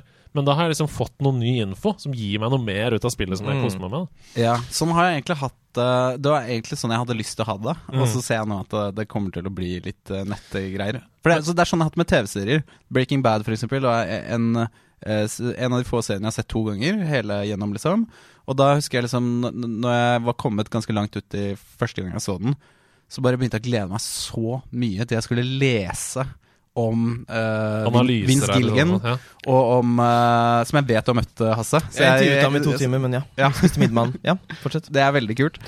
Og, så, og at uh, jeg så også på YouTube at det var sånne 45 minutter talks med hele cast. Og sånn, det, det var så vanskelig å ikke trykke på det. Men jeg kunne jo Ja. ikke det, både for Jeg ville ikke avsløre slutten, selvfølgelig, men, men uh, deilig å spare, da. Yo, Mr. White, I'm not gonna cook meth for you no more, bitch. Den er god! Den er god! Den, Den er, er god. meget god. Den Vær så god, lyttere. Ja, den er mer enn bare grei. Den er faktisk meget god. Ok, Hva med deg? Altså, hva spiller du om dagen? Du, eh, jeg på min PlayStation 5-konsoll så Mm. holder jeg fortsatt på med eh, Deathloop. Ja! Ja, Ja, ja, det. Eh, har ikke så mye tid til å spille for tiden, men jeg spiller i det. Og så har jeg Det som skjedde, var at jeg er veldig stor fan av uh, Age of Empires. Mm. Age of Empires. Mm. Så jeg begynte å laste ned det på min, uh, min PC. Den så, nye? Ja. Ja, fireren. Kommet Ja. nå. Mm. så begynte den å konke, den PC-en. Så da kunne jeg plutselig ikke spille på den. Skal få den reparert. Eh, så det har gjort da at jeg har begynt å spille Age of Empires uh, 3 på min Macbook Air. Ja. Uh, og det funker, det også, altså. ja. Funker det også, Ja, altså? men det er altså, for den tiden Det er veldig mange som sier sånn at eh, Nei, Mac er ikke gaming-PC og sånn. Den tiden er litt over. Ja da. Eh, ganske mange spill nå lanseres også til Mac, og etter at M1-prosessoren kom ut, så kan de kjøre ganske mange spill, faktisk. Så, så det er en relevant test når eh, datatestere Sånn som f.eks. tech.no eh, tester nye datamaskiner. Så, så på Macbook Pro-test som jeg leste nå nylig, så var det sånn Åssen er den til gaming? Og så var det en lang artikkel om liksom, hvordan den performa mot andre datamaskiner og sånn. Ja. Så ikke la deg lure. Det går an å game eh, på moderne Mac. Definitivt. Mm. Og dette er en Macbook Air fra 2013, så Å ja. Eh, Enda bedre. ja, ja. Deilig. Noe annet?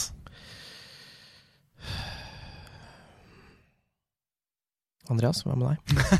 Oi, oi, oi! Du, jeg har, verdens lengste utpust?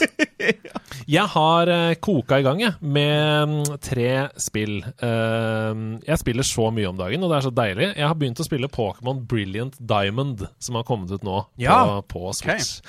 Og det er jo en remake av Pokémon Diamond. Som kom da vi var eh, barn. Det heter nå Brilliant Diamond og Shining Pearl, da, istedenfor bare Diamond. Er, er det mange nye karakterer og sånn? Nei da, det er ikke det. Ja. Det er det samme spillet med noen quality-forandringer. Og så er det jo en helt annen artsstil. Altså, eh, Diamond og Pearl var jo Nintendo DS-spill. Mm. Så dette er jo nå på Switch, og det er mye større skjerm og sånn. Det er litt som Links Awakening, som kommer på nytt til, til eh, Switch. Det er litt den samme følelsen. Eh, karakterene oppleves på samme måten, samme tegna stil og sånn. Jeg har spilt ca. ti timer. eh, allerede, og det er superkoselig. Det er kjempe, kjempekoselig spill. Hvis du er glad i Pokémon-spill, så er det en no-brainer. Uh, for det er jo et helt tradisjonell uh, Pokémon-spill. Uh, så hvis du trenger å bare slappe av, kose deg også, så er det også en no-brainer. Det, er, det er Pokémon, liksom. Du våkner opp i Sinnoh-regionen, du må ut og fange Pokémon, du må bekjempe gym leaders, og til slutt da et endgame før du bestemmer deg for om du skal fange alle. Eller legge det fra deg, som da mange gjør når de har runda spillet. Og så er det noen da som eh, går for å fylle pokédexen. Som, ehm, så ja, men Det er veldig koselig. Begynner litt slow, kanskje, i motsetning til eh, Sword og Shield, eh, som jo er det helt eh, nyeste Pokémon-spillet. Men det er et par ting som jeg ikke digger veldig. Eh, og det kan godt hende at det er bare fordi jeg er meg, men jeg tror det gjelder flere også. Altså, jeg skjønner veldig godt hvorfor de har gjort det, men de har f.eks. satt på en funksjon som heter XP-share. Jeg tror det først kom i X og Y-generasjonen av Pokémon, men da kunne du velge om du vil skru det av eller på. Her er det alltid på, Mm. og du kan ikke skru det av. Og det som er, er at eh, da vi spilte Pokémon da vi var kids, rød og blå f.eks., eksempel, så var det sånn at du måtte bytte om på rekkefølgen på Pokémonene dine for å levele de og sånn, ikke sant? Nå skal Bulbasaur være først. Nei, nå skal uh, Pidgey være først, ikke sant? Um, men det som skjer nå, er at når du vinner mot en Pokémon, eller uh, mot en trener, så får alle XP. Alle Pokémonene dine i, i teamet ditt. Selv om de ikke har vært med i fighten. Og da gjør det jo mye enklere. For det betyr jo at du leveler opp seks Pokémon av gangen. Hele tiden. Og alle like mye. Ja. Ja. Eh, nei, altså den som fighter litt mer, men det er ikke mye forskjell. Eh, og generelt så blir spillet da litt for enkelt. Du kan liksom bare trykke deg gjennom og angripe med det samme attacket, nesten. Eh, og hvis den, person- den Pokémon dør, så har du en som er like høy level, rett eh, som du bare kan kjøre inn. Eh, men grunnen til at jeg forstår hvorfor de har gjort det, det er fordi dette er jo Fortnite-generasjonen som kommer nå. ikke sant? Ja, ja. De er vant til masse dopamin, det skjer ting hele tiden. Og det er jo det her. Når du har på XP-share, så blinker det, det lyser, alle Pokémon går opp i level, din, plutselig evolver den. Å, det er en ny move på Pikachu! Det skjer sånne ting Det er alltid et eller annet som gir deg dopamin. Mm. Eh, Så jeg skjønner hvorfor de har gjort det der. Men um, bortsett fra det, så er det veldig kos. Eh, I aller høyeste grad så har de ivaretatt den derre Pokémon-følelsen, som er den 'jeg skal ut på eventyr', eh, for jeg har fått et kall. Deilig. Er, det- har dere, husker dere Pokémon Snap? Ja! Er du gal?! Ja, det kom, kom ny versjon uh, i Det kom år. et nytt spill til Switch. Ja. Gjorde det? Ble det en sånn uh, franchise, liksom? Ja, de bygde liksom videre på det? Det, det kom et Pokémon Snap-spill på Nintendo 64, Ja, 98 eller noe sånt. og så kom det et nytt nå. Ja, ikke sant. Og siden, altså mellom der, er det da 20 år. 20 år uten uh, at man tok bilder av Ja. Pokémon. Men det ble veldig godt mottatt, og ekstremt terapeutisk. Ja, er Pokémon Snap. Mm. Du er litt sånn hobbyfotograf, er du ikke det? bare i Pokémon Snap. Nei, så jeg har eh, Altså, bare for å oppsummere, da. Jeg hadde ikke spilt ti timer av det og gleda meg til å fortsette hvis ikke jeg likte det. Så jeg liker det veldig godt, altså. Men det er, eh, bare for å advare, det er et Pokémon-spill, og that's it. Hvis du ikke liker Pokémon, så kommer du ikke til å like det nå heller. Hvis du liker Pokémon, så er det veldig kos. Så har jeg begynt på et spill som heter Death's Door. Death's Door Det er Death ikke Store eller Death's Door? Death's Door. okay, ok, ok. uh, det spiller jeg på Xbox. Det koster 200 kroner, og det er en skam. Det burde kosta 500 kroner. Fordi det er eh, kjempebra. Det er et veldig veldig koselig, pent tegna Zelda-aktig spill med Dark Souls-elementer, Hasse. Dark Souls. Dark Souls. Det har jeg spilt litt av. Det er veldig veldig gøy gameplay. Eh, veldig presise kontroller. Når Ja. du dodger, så dodger den. Når du bruker sverdet, så gjør den det. Det føles som om Å ja, dette er bare en forlengelse av mine eh, fingre. Ja, det ser dritkult ut. Ja. Um, du er en liten kråke, Det appellerer til meg. Ja, du og du jobber med å høste sjeler. ja. Du Ok. jobber da i på en måte dødsriket, og du går gjennom sånne dører til forskjellige verdener for å høste sjeler som er der.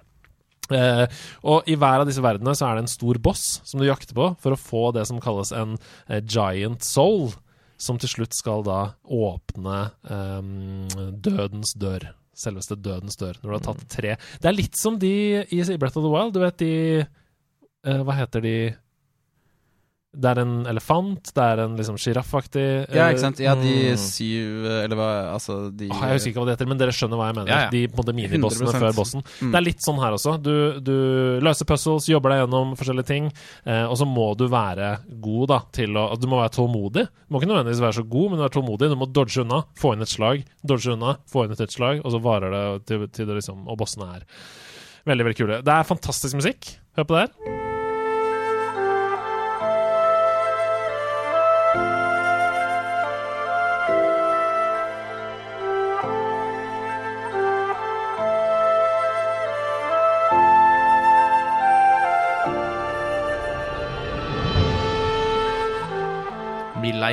Det er fint. Ja, det var inviterende. Ja, og det er bare Det er lagd av to personer. Oi, oi.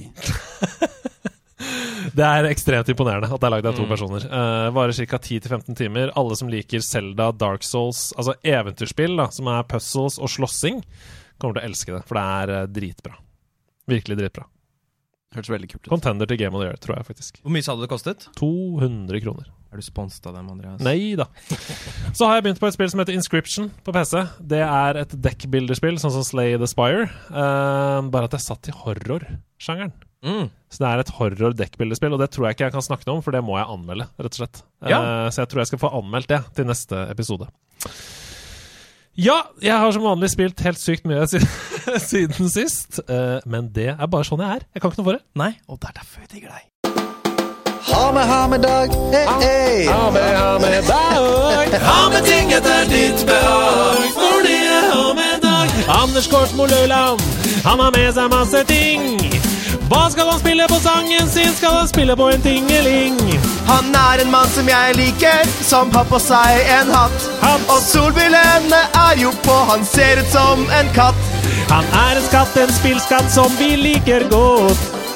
Han er en skatt og skatt skatt, skatt han liker godt. Men hva har han tatt med seg hjemmefra? Er det noe han er stolt av? Eller er det et spill som han vil ta? For det er han deg. Dag. Wow!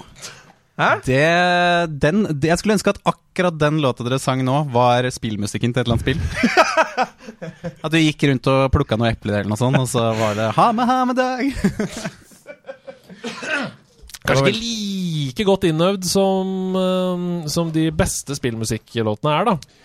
Nei, men det er jo veldig lite der Er det for lite improvisasjonsmusikk da i spillmusikk? Du bare slenger det ut der? Ja. En liten ja. brannfakkel. Jeg trykka på flere ting på likt på, på paden min, um, så ingen skjønte hva som skjedde. Det som skjedde, var dette. Det var det ja, som skjedde. det ga mye mer mening. Jeg trodde okay. vi var inne i en ny spalte med en gang. Ja, det- det går så fort her. Ok, hva er det du har tatt med deg i Hamedag? Jeg har tatt med uh, Jeg har tatt med Jeg har tatt med litt forskjellig. Så Det er en pose. ja, altså, jeg har tatt med litt Jeg har tatt med narkotika. Nei, jeg har ikke det. Uh, jeg har tatt med litt forskjellig, så vi, så vi ser da hva vi bruker tida på. Har du tatt med, du har tatt med en platekopp Nei, det er et annet eh, merke der. Mm. Ja, En liten plastpose hvor jeg har to spill. Gjett, gjett fra hvilken konsoll. Ja, det er to 1964-spill. Jeg ser det. Det er de deilige grå cartridgene. Det er det. Det er eh, to Nintendo 64-spill. Eh, Det ene har vi snakka litt om allerede, men eh, vi kan jo se på det likevel. Eh, Det er da Nagano Winter Olympics. Åh, der er Og det er, det er et modig grep å ha en freestyle-kjører på coveret. Ja, tenk på det. For det er jo kanskje ikke den største idretten. Det er veldig godt poeng. Det er jo ikke Ja, det er veldig rart. Hvem er det? Er, ja, det er ingen som velger det spillet basert på det Ja. tror jeg. Jeg vil også påpeke at du har uh, i sin tid klistret på uh, ditt navn på baksiden av, uh, av spillet. Det står Anders Lørland der. Det gjør det. Det, det er sant. Det er en en- lapp fra slutten av 90-tallet. Ja, Du var en kul fyr på den tiden. Veldig kult. Men uh, apropos fristil, Kari Traa tok vel bronse i Nagano Sølv. I 98? Nei, jeg, tror hun tok eh, bronse i 98. Og så sølv i eh, 2002. Nei, hun vant i 2002. Alt Hun jeg sier er feil. hun har et gull, ja. Hun vant gull i 2002, men bronse i 98, tror jeg. Greit. Nei, det, det, det er deilig. Kari Traa, altså. Det er, det er derfor det var freestyle på coveret. Det kan være. Men i Nagano World, så, som jeg sa, da var det litt sånn der De norske navnene De var sånn algoritmebaserte. Så da var det ikke Kari Traa, da var det mer sånn derre Kurva Truvel eller noe sånt. Som var fra Norge. Så ja, ikke sant. Eh, Men det har vi snakka litt om. Så, men vi kan uh, uh, se på det andre spillet jeg har tatt med her. Et spill som jeg har inntrykk av ingen refererer til, men som Oi. jo er fra en av de mest spe kjente spillfranchisene som er. Nå er jeg veldig spent. Uh, rett og slett Fifa 64. Ja Og det Fifa 64! Det het bare Fifa 64! Nettopp. Ikke noe årstall! Nei. Og, Fordi det var jo World Cup 98 alle spilte. Ja, og, og Fifa 97 og Fifa 99 og Fifa 98. Dette er liksom hvis, hvis, Når jeg bringer samtalen tilbake til spill på 90-tallet, så er det det som blir referert til, ikke Fifa 64. Nei. Uh, så da, da spør jeg dere, har dere spilt det? Aner ikke. Jeg, eh, jeg mener å ha spilt det, men det er på en måte eh, Altså World Cup 98-spillet som alle minnene er knytta til. Ja, så jeg veit ikke. Men jeg har sikkert spilt det, fordi alle hadde jo de Altså, det, det er jo et Fifa-spill, og det var på Nintendo 64, så åpenbart. Men, Men jeg hva- tror det gikk litt hus forbi, og det var derfor jeg også tok det med. Fordi det er en eh, litt sånn kuriositet, da. Tror jeg. Og, jeg- og jeg gjorde en liten undersøkelse, og det er visst det første Fifa-spillet på Nintendo. Eh, Det var jo kommet noen eh, Fifa starta vel i 93 eller noe sånt på Sega. mm. Uh, Det er bilde av en italiensk fotballspiller på utsiden. Kan du ikke si hvem det er? Med drakt nummer syv. Det må da være Roberto Baggio, eller? Nei, det er ikke det. det, er ikke det. eller er er det ikke Jeg trodde jeg, Dette burde jeg søkt opp på forhånd, men jeg trodde det var en brasiliansk bortedrakt. Ja, det kan det være. selvfølgelig Og at det Brasiliansk kanskje er. Romario eller noe sånt. Det er det. Det er Romario. Ja. Selveste Romario. Ja. Få se, få se. Få se på Romario. Jeg sender den videre her. Dette er eh, Romario, folkens. Kom igjen. Skjerp dere. Jeg har eh, et uh, konkret minne av en feil i dette spillet. Eh, og før jeg kom hit i dag, så prøvde jeg å finne ut av den feilen på nett. Spennende. Uh, klarte ikke å finne den. Nei. Eh, så det er mulig jeg aldri får liksom bekrefta at eh, det faktisk var sånn det var, men broren min husker det samme, så da antar jeg at uh, det er sant. Dette er opp til lytterne å be eller avkrefte. Eh, Hvis noen kan god. bekre bekrefte det, så hadde det vært veldig kult. Mm. Eh, det er en Middlesbrough-spiller som heter Brian Robson. Tidligere Manchester-legende. Mm. Eh, men som eh, på denne tiden spilte på Middlesbrough. Når du spiller mot Middlesbrough, eller med Middlesbrough på Fifa 64, så kommer altså Brian Robson, denne spilleren, han kommer alltid forsinka ut på banen. Og, du, og ikke bare sånn at han liksom bare popper opp som en sånn glitch, men du ser han komme ut av liksom garderobetunnelen der, og ut på banen i dritlang tid, før han liksom når gressmatta og er en del av spillet. Wow. Det er kun Brian Robson? Eh, ja, og det, og det eh, Det er sånn jeg husker det, og det får meg til å tenke at det liksom var en slags bevisst Ja, gag, liksom. ja, en Ja. gag. Humor. Ja. Fordi Brian Robson var treig i Ja, ja, ja. trusa, eller Ja, og jeg søkte litt på det. Han var sånn 39 år eller noe sånt da det spillet kom ut, så det, kanskje var det en liten vits på at han var eldre, blitt litt treigere ute av Ja, gamet. det er veldig gøy. Så det, hvis noen kan bekrefte at det er sant Men broren min husker det samme, som sagt, så vi er i hvert fall to om det, da. Fantastisk. Det der er veldig gøy. Si at det er noen der ute som, som kan bekrefte eller avkrefte. For jeg vil ikke google det. Jeg vil at dere lyttere skal sende det inn til oss. Har du med noe annet? Jeg har med noe annet, og dette er litt sånn på sida, men det heter jo Nerdelandslaget. Ja, det heter ikke. Gaminglandslaget, så Ja. det er et utvida eh, Man kan utvide det begrepet. Helt åpenbart. Vi har snakka om Harry Potter 7, vi. Det er ikke noe spill, det. Ja, så en ting som jeg har begynt med nå i det siste, da, eh, er jo å lese mer tegneserieromaner. Oi, gøy! Og det tenker jeg er veldig uh, on brand i dette podkastuniverset. Ja, Så derfor tok jeg med uh, det som jeg leser nå, og som jeg syns er helt Helt amazing, og som jeg vil anbefale videre. da Oi, Og som kanskje dere kan få lov til å titte litt på nå, da. spennende. Og det er ikke helt utafor gaming-universet heller, for det er da tegneren Moebius. Ja, Ja. Og legendarisk eh, fransk eh, tegnemann. Som, som, jeg, som jeg også har funnet ut har lagd noe spilldesign. eh, husker ikke de spillene nå, så da, da må dere inn på Wikipedia. Men skal vi se Det her Jodorowsky og Moebius sin The Inkle. Inka Oi. Eh, bare bla litt på den, eh, Andreas. Jeg må bare beskrive coveret her, for det er jo et eh, gult eh, cover med Og dette har jeg sett før. Det er flere som snakker Ja, det er jo om en, dette. det er en legendarisk uh, uh, tegneserieroman. uh, i noen en serie på tre eller fire. Twitter-greie, uh, ser. Det er i hvert fall et gult cover. Det er en mann som løper med en robotmåke ved siden av seg, og det er altså da mange mm, Ja, hva skal jeg si? uh, sonder, på en måte, som jager etter denne personen. Ja. Eh, It blew my mind to the point where I then went and found every piece of graphic novel literature with this author's names on that I could possibly find. Hilsen Brian Michael Bendis. Um, som Brian Robinson, tror jeg du skulle si nå. Fra Middlesbrough. Nei, det ser Men, jo men her kan du faktisk Du kan bla på hvilken som helst side i den boka, og du vil bli slått i bakken av uh, illustrasjonene. Ja, så Illustrasjonene er helt utrolige, og de leker jo med formatet også. Det går jo ut og inn av de ulike rutene her, og, um, og det er også veldig sånn Oh, Veldig futuristisk eh, sci-fi-tegneserieroman. her er det masse rotter som spiser opp et menneske. Ja, ikke sant? Um, Ja, fordi det ser helt utrolig pent ut. Fordi dette er jo anledning nå til hvis, hvis man vil være litt forut, så leser man den boka nå. Fordi den skal filmatiseres av han duden som lagde Ragnarok og de, noen av de uh, Marvel-filmene. Husker ikke navnet hans. Oh, ja, ja, Taika Waititi. Det var Riktig. der jeg så det, for det var Eivind Trædal som retweeta selvfølgelig den tweeten. Ikke sant? Så hvis du leser den uh, boka nå, så kan du være en av de som sier jeg, jeg, jeg har lest den boka. Oh, hvis du, fett, det hvis du syns det er litt kul sånn kulturell kapital å ha. gøy. The Incal der, altså. Uh, ser helt utrolig rått ut. Hvordan, hva er ditt inntrykk, Hasse? Nei, altså, jeg, jeg elsker Møbius, og jeg har ikke lest det her. Dette skal jeg på pokker kjøpe. Og det som gjør det altså enda mer aktuelt, er jo faktisk eh, filmen Dune, som fortsatt går på kino, som du kan se på HBO.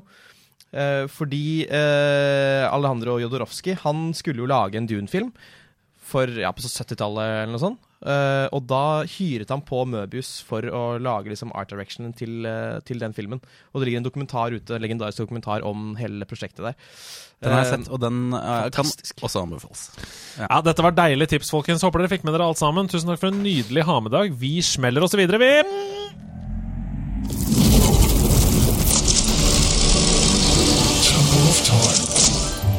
Det stemmer. Vi åpner porten til Temple of Time, der um, Karen Marie Ellefsen faktisk venter på oss inne i tårnet eh, med sin kunnskap. Jeg trodde det var flere gjester. Jeg trodde det nå. Men det, det er bare oss tre. Det er oss tre. Karen Marie Ellefsen er altså den smarte eh, Tobias i tårnet i den nyinnspillingen av Fangene på fortet på TV3, til dere som lurer på hva det er jeg snakker om. Vanvittig. Det er helt Kødder du med meg? Nei, det er helt riktig. Nei, du kødder med Nei, meg. Karen Marie Ellefsen er den vise. Nei, det er tull! Jo, nei, det er sant. Nei, det er ikke sant. Det er sant. Kan du bekrefte Men, men jeg mener, er det Jeg har hørt det Det høres ut som en sketsj, men det er sant. Jeg, sk- jeg, skal, eh, jeg skal nå google uh, Karne Marie Ellefsen, 'Fangene på fortet'. Og så skal jeg vise deg promobildet fra at Karen Marie Ellefsen står der som den vise kvinnen i tårnet. Hun har blitt lurt, i så Sammen med da Bernt Hulsker. Hun har blitt lurt med, for det der er jo en sketsj! Men hun er jo ikke, hun er jo ikke kledd sånn uh, Altså I 'Fangene på fartet' så er det jo Det er jo litt sånn toga-aktige Nei, hun ser er ut som en helt vanlig TV-reporter. Sånn som hun alltid har gjort Men dette er ikke det Temple of Nei, Time handler om. I Temple of Time så tar du med deg tittelen på et spill som du skal avsløre for en av oss programledere. Og On the spot så har vi da 60 sekunder til å fortelle så mye hard fakta om spillet som mulig. Hvis vi ikke kan en døyt om det spillet, så må vi improvisere. Det får man også poeng for. Uh, så etterpå så skal de to som ikke har vært på scenen, de skal da gi ett til 100 sandkorn basert på opptreden, og så skal vi da eh, feire ved sesongens slutt den programlederen som har høyest gjennomsnittlig antall sandkorn i sitt eh, timeglass. Og da er det jo sånn at du først kan få avsløre hvem det er du har tenkt å utfordre i dag. Eh, det er fristende å utfordre Hasse nå. Ja. Som eh, så så sjokkert ut. Han var så full av emosjoner når han fikk vite dette om Karen Marie Ellefsen. Så nå er det, han er i en eller annen, et eller annet humør som jeg, jeg vil se han utfolde seg. Ja. Det er deilig! Det Nok en gang! Det slipper jeg! digger å være for oppmerksomhet! jeg slipper! Ok, Da er det sånn at jeg kommer til å sette i gang et track som varer i nøyaktig 60 sekunder. Så med en gang du hører en lyd i tracket her, så må du avsløre tittelen, sånn at Hasse kan begynne å snakke. Er du klar, Anders? Ja, jeg er klar. Her kommer tracket. Doktor Mario. Dr. Mario er en spillserie som uh, dukket opp for første gang på Super Nintendo Entertainment Systemen System eh, i året 1989. Det er et spill som kan minne til forveksling om Tetris, men du har noen andre små bestanddeler der. Det er noe Det er, det er piller, rett og slett. Altså, det er piller, litt sånn, Ser litt ut som tramadol-tabletter, som da skal stokkes om, og så er det masse andre artige ting. At det er liksom Mario-karakterer. og han har på seg hvit uh, legeuniform med stetoskop og sånne ting i pannen og greier. Og det har kommet en rekke uh, oppfølgere til dette spillet. For, å, folk liker dette spillet! Dr. Mario! uh, og det er Tetris. og når man plasserer disse pillene som er delt opp i flere farger, så vil de bli fjernet, sånn som i Tetris. og det er en sånn, sånn, skyte, for det er sånn skyteting som er i det spillet. her. Sånn, det ser ut som en kanon. Bang, bang, bang, bang, bang, bang. Og Doktor Mario er så bra! Ja, ja, ja. Jeg hadde rett med det humøret til Hasse. Det, det var et vrak. uh, dette var kjempegøy. Det var gøy. Eh, Kanon! Bang, bang, bang! bang! Ja, det, du leverte. Ja. Ja, ja. Okay. Ok, Skal vi trekke oss tilbake på bakrommet her? Vi da diskutere litt denne opptredenen. Ja. Eh, veldig god start. Forteller jo om Tetris her, som er helt riktig, og også navn på piller her. Det er bra. Ja, for ikke sant, hva Vi vurderer også ut fra litt sånn entusiasmen i formidlingsledningen. Ja, eller det får være opp til deg. Det okay. får være opp til deg, Ja, tenker jeg. Um, Ja, fordi Jeg ble veldig revet med av den og glemte tidvis faktisk hva du sa. Fordi ja. det var så eh, bam, bam, bam. Uh, ja. det var så deilig å høre. Han nevnte jo tidlig årstallet 89. Uh, det var 90. Ja. Så det er veldig, veldig nære. Det er veldig nærme. Eh, det er veldig, veldig nære, Men det sier jo også at han, han vet jo om dette spillet. Ja.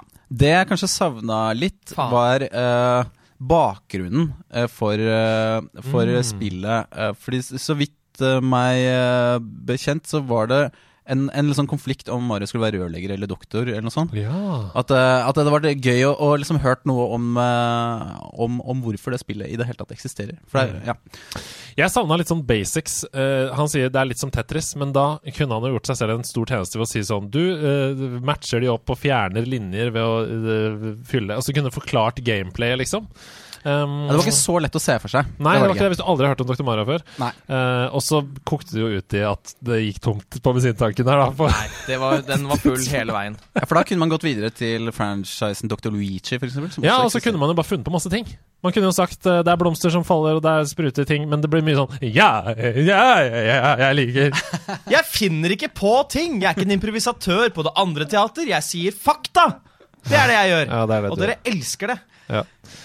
Ok, 0 til 100, Anders. Hva, hva tenker du her? Nå er du, nå er du inne i en slags Radioresepsjonens um, univers her. De gir jo ofte scores på brustest, uh, sånne ting. Ja, ikke sant? Men da er det 0 til 100 korker og sånn? Hva er det i dette Nei, det er sandkorn Det er sandkorn, ja. i ja. timeglasset. Ok. Eh, da fyller Altså, jeg ble veldig revet med av entusiasmen til Altså, jeg må la det spille inn bitte litt. Eh, og eh, jeg syns jo 89 uh, er veldig nærme 90, da. Du får jo nesten ikke et år nærmere 90 enn 1989. det er, jeg spytter fakta, jeg òg nå. Ja. Uh, så ja, savna kanskje noen ting her og der, men ja, til 100 skal man si 68, da! Nei! 169! Åh! Det har vært så spesielt med det tallet. Nei, jeg vet ikke, jeg heller. Um, jeg- altså, det må, man må jo um, vurdere litt også ut ifra hvilket spill det er som kommer her. Og det er tross alt sånn at Dr. Mario har ikke så veldig mange forhold til. Så jeg, jeg syns jo det er vanskelighetsgraden er høyere enn hvis du hadde sagt Super Mario 64, på en måte. Ikke sant? Um, så ja Men fortsatt, Hasse, du er programleder. Jeg er nødt til å kreve Du skal være the, the piv, pivotal of the nerds i Norge. Um, så jeg er nødt til å legge lista høyt for deg. Jeg gir deg 60. Jeg hater, 60 av jeg hater alt du er og står for. Og det har jeg alltid gjort. Da får du altså 128, som vel også er en bit. Um, og vi deler det opp, og det blir 64! Som er gjennomsnittlig score, og det kan jo ikke være bedre enn 64, da! Hæ? Nintendo 64. Det er jo selvfølgelig måtte dere lande der. Fifa 64. Hallo. Ja, Dette er alt er leda mot det tallet hele Racer 64. Tusen takk for innsatsen, Hasse. Veldig, veldig bra. Tusen takk for spillet, Anders. Veldig, veldig bra. Ja. eh, jeg bare ble sittende og tenke på at Mario faktisk er en doktor på et eller annet tidspunkt. Det er, jeg, det er en jeg ikke hadde stolt på skulle skrive ut resepter til meg, så er det eh, Mario. Stay fresh, cheesebags! Mitt navn er Andreas Hedemann, og dette er Nerdenytt. Problemene stikker så dypt i Activision Blizzard at vi i redaksjonen aldri har vært i nærheten av å oppleve en så stor skandale i noe spillselskap. Nå viser det seg at sjef Bobby Kotick ifølge en Wall Street Journal-rapport både har visst om voldtekt og overgrepsanklager i årevis, og selv har drapstruet en kvinnelig ansatt. I kjølvannet av dette har Xbox-sjef Phil Spencer fortalt sine ansatte at Microsoft vil revurdere alle aspekter ved samarbeidet med Activision Blizzard og gjøre proaktive justeringer.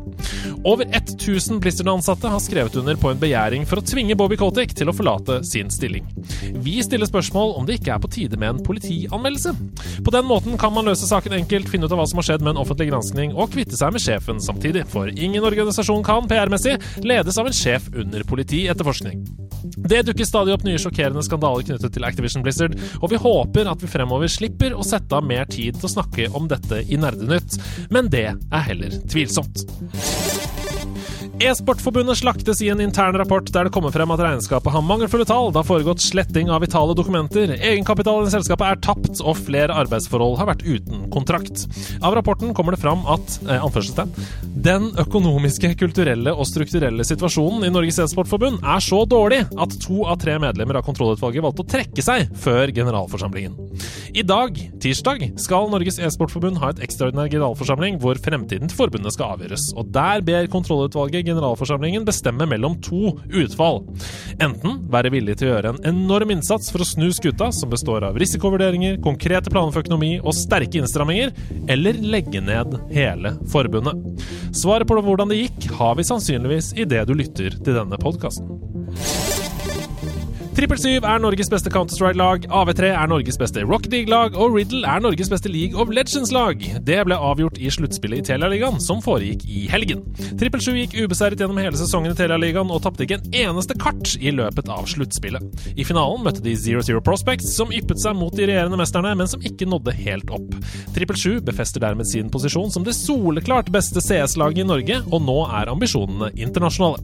I Rocket League ble det mindre spennende. Etter at AV3 hårfint slo Zero Zero Prospects i semifinalen 4-3, så ble det enveiskjøring mot Relay i finalen. Svært imponerende både forsvar og angrepsspill, og ikke minst imponerende mental stabilitet sørget for en solid 4-0-seier. Riddle er de nye kongene av League of Legends etter å ha slått Bifrost i Telialigaens finale. Allerede fra start visste Riddle at de hadde ett mål med reisen til Eldorado, og etter en sterk 3-0-seier så kunne Riddle løfte trofeet og ta det med hjem. Vi gratulerer norgesmesterne og ønsker lykke til videre med satsingene. Så til ukens hovedsak, som vi skal diskutere litt mer her i studio. Og det er en enorm eh, gladnyhet for eh, Hidio Kojima med sitt eh, Kojima Productions. Han starter film- og TV-studio! Ja! Oi! Er ikke det rått, da, dere? Oh, Hidio Hideo Kojima han har hele livet vært en filmnerd, og nå har hele, altså drømmen om å jobbe med film gått i oppfyllelse. Og det er Riley Russell, som har nesten 30 års tid hos PlayStation, som skal lede dette arbeidet med å bringe Kojima ut til folket. Målet er å sørge for at prosjekter som er under utvikling hos Kojima Productions, skal nå ut til et bredere publikum og bli mer relevante innen populærkulturen. Og i den forbindelse, da, siden jeg nå sitter med to enorme film- og spillnerder, eh, så tenkte jeg at vi kunne snakke litt om den connection der, mellom de to verdenene. Så først, hva tenker vi om den nyheten her? Um, hvilke type historier ønsker vi oss? Hva kan vi forvente fra Hideo Kojima og hans Hideo Kojima Productions? Altså, vi kan forvente oss uh, Vi kan forvente oss veldig rare filmer. Vi kan forvente oss masse spesielle skrudde ideer.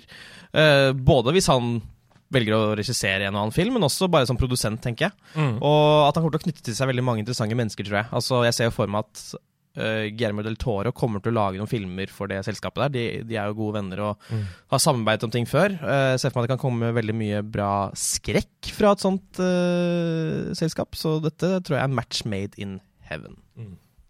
Han er jo en fyr med liksom et nettverk av eh, Hollywood-venner. Altså, eh, Death Stranding er jo fullt av eh, kjente skuespillere. Mats Mikkelsen er jo veldig god venn med Hideo Kojima, f.eks. Um, så hvorfor film og TV? Hva er det i spillmediet som begrenser historiefortellingen? Anders, hva er det som er enklere å fortelle med film og TV enn i spill? Eh, ja, for eksempel så trenger du ikke å bruke så lang tid på å plukke epler og, uh, og sånn da i en uh, film, som, du åpenbart, som åpenbart jeg bruker tid på. Nei, det er jo Det, det synes jeg høres veldig spennende ut. Ja, den connection mellom spill og film er jo det, Ja, det høres ut som en deilig reise som blir gjort der, da. Mm. Jeg bare lurer på sånn, når du, når du er en legendarisk spillprodusent og har lagd eh, spill i alle mulige sjangere opp igjennom, hvorfor tenker du ah, jeg kan ikke bare fortsette med det, jeg må lage film og TV? Det er noe uforløst som jeg ikke får ut i spill, som jeg må få ut. Ja, det er jo en effektivisering kanskje da i film og TV at du kan eh, Du kan vel kanskje hoppe over noen av de transportetappene da som, eh, som eh, du det er, det er ingenting du er nødt til å gjøre i et spill heller, da, for så vidt. Men, men å, å gjøre noen Gjøre noen litt sånn effektiviseringsgrep der, da, som kanskje er appellerende. Mm. Eh, og så er det vel ja, Det er jo ting med budsjetter og det å liksom Mm. Altså rent sånn logistiske ved å lage film og TV er jo ganske annerledes, uh, vil jeg tro. Mm. Eh, ja, er det noen, hva, er, hva er liksom det mest vellykka sånn spill, uh, spillet som er gjort om til en uh, film, for eksempel? Det som er interessant, er at Arcane, som er, eh, som er basert på League of Legends, det går jo på Netflix nå, og det er for det første kjempefantastisk, uh, men det går også sin seiersgang hos kritikerne og hos folk flest. Altså, Det blir jo hyllet som en fantastisk, fantastisk serie, så jeg vil vel si at det er kanskje den største suksesshistorien. Um, hva tenker du, Hasse? Nei, det er ikke Det er fint få uh, altså nå, nå var det snakk om da veien fra spill til Ja, fra, fra spill film. til film. Ja, da tenker jeg på sånn, sånn World of Warcraft-filmen, for eksempel. Som Mm, jo vel eh, ja. fikk ganske mediokre lunknet, lunknet. kritikker. Mm. Ja, nei, det er, det er eh, fint få eh, eksempler på det, altså. Mm. Sånn virkelig. Det har noen flere andre veien, men uh... Jeg lurer på om den Arcane-suksessen er fordi det er nye historier som er i et etablert univers. At det er ikke sånn at man bare tar historielinjen fra et spill og bare oversetter til en film. Um, jeg hadde f.eks. digga en Overwatch-film. Basert på liksom de kortfilmene vi har sett da, fra Blizzard. Ja, sånn noe- Pixar-aktig. Ja, Ja? Digga det. Um, men her er egentlig det neste spørsmålet. Hvorfor er adopsjoner av spill til film og TV ofte så dårlig? Hvorfor det? Altså, eh, I hvert fall når jeg tenker på Jeg har ikke spilt noe særlig sånn World of Warcraft, og sånn, men når jeg tenker på sånn open world-spill som skal gjøres eh, om til film, da, så er noe av det du mister i en sånn totimers uh, versjon, er jo nettopp det vi snakker om litt, da, ved Selda f.eks. At du, du ser en fyr eh, som rusler alene, kanskje med en hest, nederst i en eh, gresskledd eh, bakke. Noen åser i bakgrunnen der, han kommer mot deg, du går mot han, og så innleder du en samtale. Og så har ikke han sånn veldig mye funksjon for uh, den store fortellingen. Han har liksom bare en liten birolle, og den uh, den funksjonen der, da, den der, de, de der lille krydderet som mm. de open world-spillene er fulle av, den forsvinner jo litt i filmer. Fordi i filmer så må jo nødvendigvis ting eh, lede mot et eller annet eh, felles eh, og- mål. Det er ikke så mye rom for eh, digresjoner. Kanskje som i en TV-serie, da, hvor det er litt mer plass. Der, igjen. Man lager ofte egne historier, som du snakker om der. som Ja, så bare det du å bake det ned til to timer og sånn, da- du mister jo noe av det som er kanskje mest magisk med noen av de i hvert fall store spillene. Da. Mm. Jeg tenker også at filmer handler jo mye om det man på fagspråket kaller for pacing. Altså hvordan du på en måte Hva skal, hva skal man si? Altså at øh, Tempo i filmen. Tempo i filmen. Altså At du har noen sakte biter, du har noen raske biter, og så skal det på en måte gli på en veldig sånn fin måte. da Mm. Uh, mens i et spill så har du ikke på en måte den samme greia. Hvis du spiller et open world-spill, så er det helt opp til deg om du har lyst til å plukke epler i en time, og så hoppe rett inn i en, en syk boss-fight, liksom. Uh, og det tror jeg er noe man kan slite med. Jeg tror også det handler om at de som velger å lage filmer og serier av spill, ofte ikke nødvendigvis helt skjønner hva det er med Ja. spillet som har funka så bra. Eh, at det er executives som kanskje aldri har spilt et spill i hele sitt liv. da Ja, det er ikke nok bare, kjærlighet, da. Nei, og så bare tar de og liksom uh, hører om handlingen i uh, Ja, hvordan er det, hva er det de gjør i Uncharted, da? Ja, de gjør det. Ja, fett, ja. Ja, men uh, vi får på Tom Holland og Mark Wahlberg og så lager noe drit. Altså, det, det, det er, jeg, føler ofte at, det er veldig, at, at kjærligheten blir borte i den oversettelsen. Mm. At du har et spill med masse varme og kjærlighet, og så blir det borte når du lager film av det, fordi det blir bare Ja, og det, og det som ofte kanskje forsvinner Men det er litt som uh, bøker som uh, gjøres om til uh, film òg, da. At det er uh, viben som faller litt ut, sånn som i de dårligste Harry Potter Altså, altså når du leser ha Harry Potter-bøkene, så setter man jo veldig pris på at de sitter ved peisen og drikker kakao og, og snakker litt sammen, og det er sånn slurvete stemning sånn. Men det er ikke så mye plass til det i de filmene. Og det er den der magiske skoleviben der og sånn, som ah, kan gå tapt, da. Eh, og det er vel veldig lett å gjøre med store spill. Ja. Å miste. Til slutt, uh, hvorfor bruker man ikke mer filma innhold i spill? Altså med levende mennesker foran kamera. Det må jo, altså det må jo være mulig i 2021 å lage spill der hvor det ikke er animasjon, men hvor det er ekte film. Jeg mener veldig bestemt at et av de første spillene jeg spilte, inneholdt eh, filma innhold. Eh, Tiberian Sun, Red Alert, de Ja, spillene. kom Command and de har Con- Conquer. Command and Conquer Red Alert 2, ja. Ja. Mm. Der var det ekte film, i cutscenes. ja. Ja, men altså, handler, men handler ikke det om at vi kan ikke gjøre det før grafikken er så uh, livstro at du ikke får en sånn janky overgang til å se hvordan det faktisk skal se ut? på en måte? Ja, Altså, nei, men er- ja. nå, nå mener jeg å bygge hele spillet from the bottom up, da, som fi, Altså, når du går rundt i verden, så er det ekte film. At du styrer Ja, men Hvordan skal det gå an? Det er gra grafisk å få til det. N nei, altså, det er ikke grafisk. Du legger en HUD oppå en ekte film. Altså, du legger Du, å du ser point of view fra, som er filma fra en person, Ja. sitt ekte synspunkt. ja. Og så, og så er det film. Altså, det er alt som skjer i spillet, er filma ekte. Skjønner du hva jeg mener? ja så da, da, da, da, da er det noen som har gått rundt med et sånt 360 graders kamera. For eksempel. ja. Ja. Det spillet dere beskriver nå, finnes, og det heter Google uh, Street View. Ja, men jeg mener Det er veldig kult. Eh, Er det bare jeg som tenker at dette er en helt utopi? Å kunne få til å jobbe inn en teknisk løsning som gjør at du kan faktisk filme eh, et spill? Men hvordan, altså, Si at det er en, en FPS. Hvordan skal du Ja, men Da kan det jo ikke være den sjangeren, da. Men si at Nei, det er et puzzlespill, for eksempel. Da.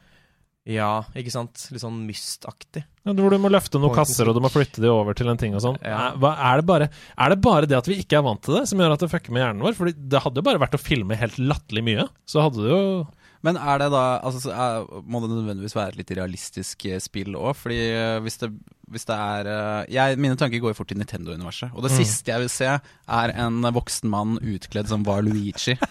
som uh, er filma. Ja, men er det det, da? Er det det at fantasien vår At vi er nødt til å kunne fylle inn hullene med vår egen fantasi, istedenfor å bli gitt et sånt fotorealistisk Mario-univers? Ja, da må det være Ja, ikke sant, men med spesialeffekter, og hvis det er et skytespill og sånn, så Mm. da, blir da må det plut- plutselig se veldig bra ut, da. For at det skal eh, Ja. Det høres krevende ut. Ja, jeg tenker også liksom at bare, bare det å på en måte gjengi det rommet vi sitter i her nå Hvis du skal liksom kunne gå i alle kriker og kroker, så må du ha filmet hver kvadratmillimeter. Jeg tror det bare er det Altså, jeg tror det er det det handler om. Mm. Uh, det kommer litt, vel på et eller annet tidspunkt, gjør det ikke det? da? Ja. Ja, kanskje litt abstrakt uh, tankeeksperiment. Jeg bare syns det var spennende. jeg synes det var veldig spennende å tenke på. Mm. Takk. Stay fresh, cheesebags. Fuck Mitt off. navn er Andreas Hedman, og dette var Nerdenytt.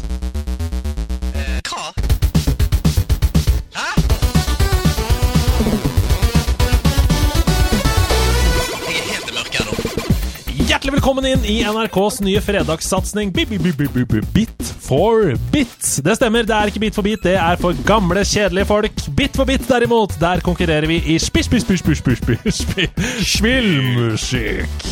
I Bit for bit så er det sånn at folk i vårt community har funnet ut at i gamle spill så var det ikke sånn at eh, en og en låt, eh, spillmusikken, ble spilt av Altså at spillet sa til koden sin, kildekoden, spill av eh, filen eh, theme.mp3. Ikke sant? Det var sånn spille av basslåten, eh, trommetracket, eh, piano, på likt. Og så sa spillet på likt, ikke sant? Så hvis man går inn i kildekoden, så kan man trekke ut bare piano. Eller bare bassen. Ja, Og det er Det- det, vi skal spille. er kult! Det er det vi skal spille nå. I første ledd av første oppgave får dere bare litt, og så får dere flere og flere elementer, helt til dere gjetter hvilket spill Det er min favorittleke bit for bit. Det er den kuleste leken. Og jeg er livredd, fordi Anders er eh, skolert uh, musiker. Mhm. Og jeg er en eh, dum idiot. Jeg er også livredd. Jeg er veldig redd for å bomme på noe jeg burde kunne. Husk å rope navnet deres når dere skjønner hvilket spill det er vi skal frem til. Eh, jeg begynner med ledd én. Dere får tre poeng for å klare det på første ledd, to poeng på andre og ett poeng på siste. Her kommer første låt, første ledd.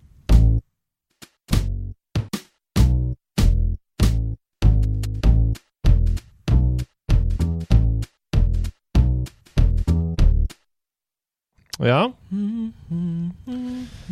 Det som ofte jeg pleier å stille spørsmål om først når gjestene ser ut som stort spørsmålstegn, er hvilken tidsalder føler dere at vi er her? Altså Jeg, jeg tenker jo med en gang 90-tallet, da. mhm. Ja, jeg tror vi er i 98. Oi. Oi, det var veldig Det er veldig spesifikt, ja. Nå må jeg Ja, google spillet. For å se Ganske om sikker på at det er det 98. Ja, Ja, her, ja, det lukter Nintendo, uh, syns jeg, da. Uh, det er, hører for meg noe quirky, litt sånn der eh, panfløyteaktig piano- og midi-lyd oppå der, som spiller en skikkelig dum melodi. ja. Uh, Ja. Men jeg vet ikke helt hva. 98 var riktig, ikke sant? Nei da. Ok. um, ok, nei. Jeg tenkte liksom at det var noe rare-aktige, tullete greier, men uh, jeg, det, det, jeg får ikke noe trekk for å prøve meg. Nei, nei, på ingen som helst måte. Det er, du må huske å rope navnet ditt. Hasse. Ja, Hva heter du? Banjo Kazoo. Å, det er ikke Banjo Kazoo, men det er et godt tipp. Det er absolutt et godt tipp. Ja, det er det landskapet der. Det er ikke, det er ikke Red Alert, for å si sånn. Det sånn. vi, vi er jeg tror vi er på Nintendo 64. Mhm. Spennende. Um, Jeg liker at du er sånn Maskorama-gjetting nå. Det er ikke Trond Brenna som er inne Jeg tror at dette er um, Leonardo DiCaprio. Der er du god. Mm, takk. Ja, Hva tenker du, Anders? Har du lyst til å komme med et tipp før vi får ledd nummer to? Um, ja, jeg, altså jeg kan tippe, men ikke noe jeg tror uh, stemmer. Um, var det litt sånn treigt hørelse som Er det noe fra Mario 64? da? Klarer ikke å plassere hvilken bane i så fall. Det er ikke det. Men Men dere er på riktig konsoll. Vi Ja. går videre til neste ledd.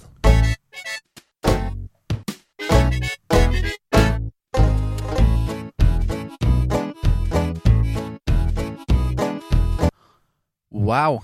Oi sann, ok, vi har, nå har vi introdusert banjo-lyder. Det stemte veldig med det Altså Jeg tror jeg sa panfløyte i stad, men det, det var på en måte det der. Ja, ja, ja. Veldig. Og det var noe banjo der, eh, Hasse. Så det var jo veldig Banjo Kazooie-aktig. Ja. Du-du-du-du. Eh, jeg har lyst til å prøve meg igjen, jeg. Ja, da må du rope navnet ditt. Hasse. Ja. Conquers Bad Fur Day. Det er riktig! What the fuck?! Hvordan går det?! Hva er det han gjør?! Det er Conquers Bad Fur Day! Ja.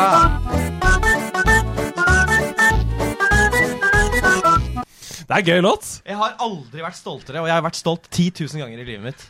Det var en veldig kul låt. Er det, har du, holder du tellinga på hvor mange du har solgt? Ja, jeg gjør det. Nei, Det var veldig veldig bra.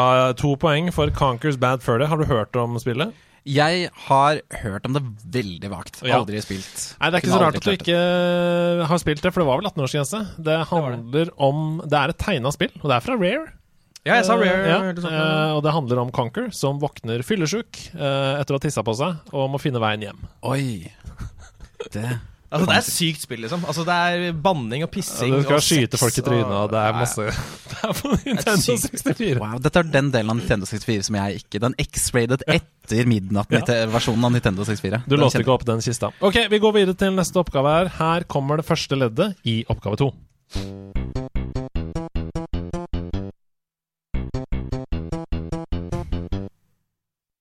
Mm. Altså, det der hørtes eh, Anders, Mm. Det der hørtes veldig Veldig ut som nerdelandslag-bassgangen.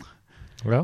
Uh, og eh, da uh, tenker jeg på hva som kan ha vært min referanselåt Mm. eh, til, eh, til den låta. Jeg hørte på veldig mye eh, gammel spillmusikk den natta hvor jeg lagde den eh, låta. Ja.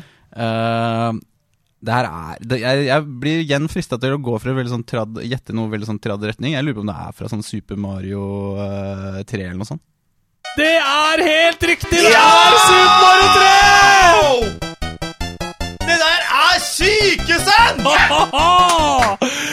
Det er Super Mario 3 når du er oppe på Overworld der. Wow! Det er sykesen! Det er tre poeng! Det er Det er tre poeng, og du gikk rett på riktig tall òg. Det, nå, ble, nå ble jeg veldig stolt. Det var tredje, gang, tredje gangen i livet mitt. Jeg også holder telling. Super Mario 3! Det betyr at Anders Lørland er seierherre! Fuck you! Med tre poeng mot to poeng. Wow! Wow, det, ble, ble, det var gøy. Ja, det det er, eh, den, det er den beste Bit for bit på lenge. Ja, ja. Her er det høyt nivå. Dere var utrolig dyktige begge to. Dessverre så var det bare én som vant. Um, gratulerer. Wow, Hva vinner jeg? Suzuki Baleno? Det er den det står ute og venter på. Ja, så deilig. Oddre litt eller Jeg klippa ut reaksjonen til Hasse der etter at Anders sa Suzuki Baleno. Hva var det du hadde lyst til å si? nei, så syk var det, og så ligger det noe LSD i dashbordet. det er fint. Det er det. Eh, vi er inne i spalten Er det fun, eller er det facts? og som du kanskje tror, så skal dere nå avsløre om dette er uh, en fun fact, eller om det bare er noe jeg har funnet på. Men det er ikke det det handler om. Dette er en fun fact, altså dette er en fakta. Jeg skal lese opp nå en fakta for dere, som en lytter har sendt inn til oss. Det dere skal avsløre, nei, avgjøre, det er om det er morsomt nok til å fortelle på, fest, f.eks. Altså, er det en fun fact som du kan droppe ved watercooleren på jobb, eller er det bare en fact? Altså, er det fun, eller er det fact? Eh, og her kommer altså uh, facten, og husk at dere skal diskutere litt dere imellom og sånn. Visste dere at Nintendo har kjøpt opp pornorettigheter? Da Super Mario-seriens offisielle film Super Mario Bros ble utgitt, så kom det nemlig to pornoparodier. Super Hornio Brothers. Og her, her kan vi se litt på Super Hornio Brothers. Se Eh, på det. eh, ja, vi skal se på coveret her. Jeg viser dere coveret her. Det er altså en kvinnelig Mario og en kvinnelig Luigi som, uh, som eh, eh, går rundt en sånn pole, sånn uh, strippepole, og det står Super Hornio Brothers! Hold on to your joystick! Ja. ja. ja, ok. Um, så det uh, videre fun fact her I stedet for å gå til sak, så kjøpte da altså Nintendo selv alle rettighetene for at uh, pornoindustrien ikke skulle kunne bruke Nintendo-karakterer i fremtiden. Så, så Nintendo, hvis de vil, kan altså produsere pornofilm med Ja, eller bygge videre på den Super Det ville jo Hornio-franchisen og gi ut et spill som ligger- heter Super Hornio Bros, eller hva det var du sa. Ja. Ja. Så fun facten er altså Nintendo har kjøpt opp pornorettigheter fordi det kom to filmer før de rakk å gjøre det, og da tenkte de her må vi, her må vi kjappe oss. Ja, Er det fun, eller er det bare en fact? det må... Altså, ja. altså de, de to filmene finnes jo. Andreas eh, er flink til mye, men han har ikke laget coveret på to sånne spill og fått det inn i et Google-bilde. Altså Det går ikke an. Han gjør ikke sånne ting. Nei, så Super Horner Brothers 1 og 2 finnes, ja. Mm. ja. Eh, ja. Coveret var jo veldig lite imponerende. Uh, hvis, hvis det var det jeg så på høyre side der, var det Mm. fra filmen? Men dere skal coveret? ikke avsløre om dette fins? Altså, dette er en fakta. Ja, ja, ja. Nei, nei, altså Dere skal bare avsløre om det er, avgjøre om det er fun, eller om det ikke er fun. Ja, ikke sant. Er det gøy nok til å si videre på fest, f.eks.? Eh, men du ville ha litt diskusjon fra oss Ja, eh, er jeg skjønte at Hasse var på vei til å prøve å deschiffrere om, om jeg hadde funnet det på. Litt, det. Dette er, det er som i Nytt på Nytt, hvis noen bare sier 'han skal ut'. Man må liksom diskutere litt først. Jeg har på en måte bestemt meg nå, men jeg er med på å diskutere litt. Jeg vet svaret. Uh, fordi jeg så det bildet, og, da, og du sa at det var en som var kledd ut som Mario, og en som var kledd ut som Luigi, var det sånn? Mm, Og eh, det, de mangla jo hattene. Ja, det var det, jeg ble litt skuffa over det. Mm. Uh, men det kan hende at de hadde tatt dem av i en slags striptease uh, oh, ja. før det bildet ble tatt. da Nei, altså Selve pornofilmene så ikke ut som var høy kvalitet. eh, Det gjorde ikke. Det okay. Nei, Nei. ikke noe for oss gutta. Uh, hva tenker du? Nei, altså, det er jeg, jeg visste ikke om det her, i hvert fall. Jeg visste ikke om det. Det er super uh, fact, altså, og jeg syns det er ganske fun. Kanskje særlig fordi Nintendo er jo det klineste selskapet uh, kanskje i verden. Mm. Eh, sånn etter Greenpeace og WWF og sånn.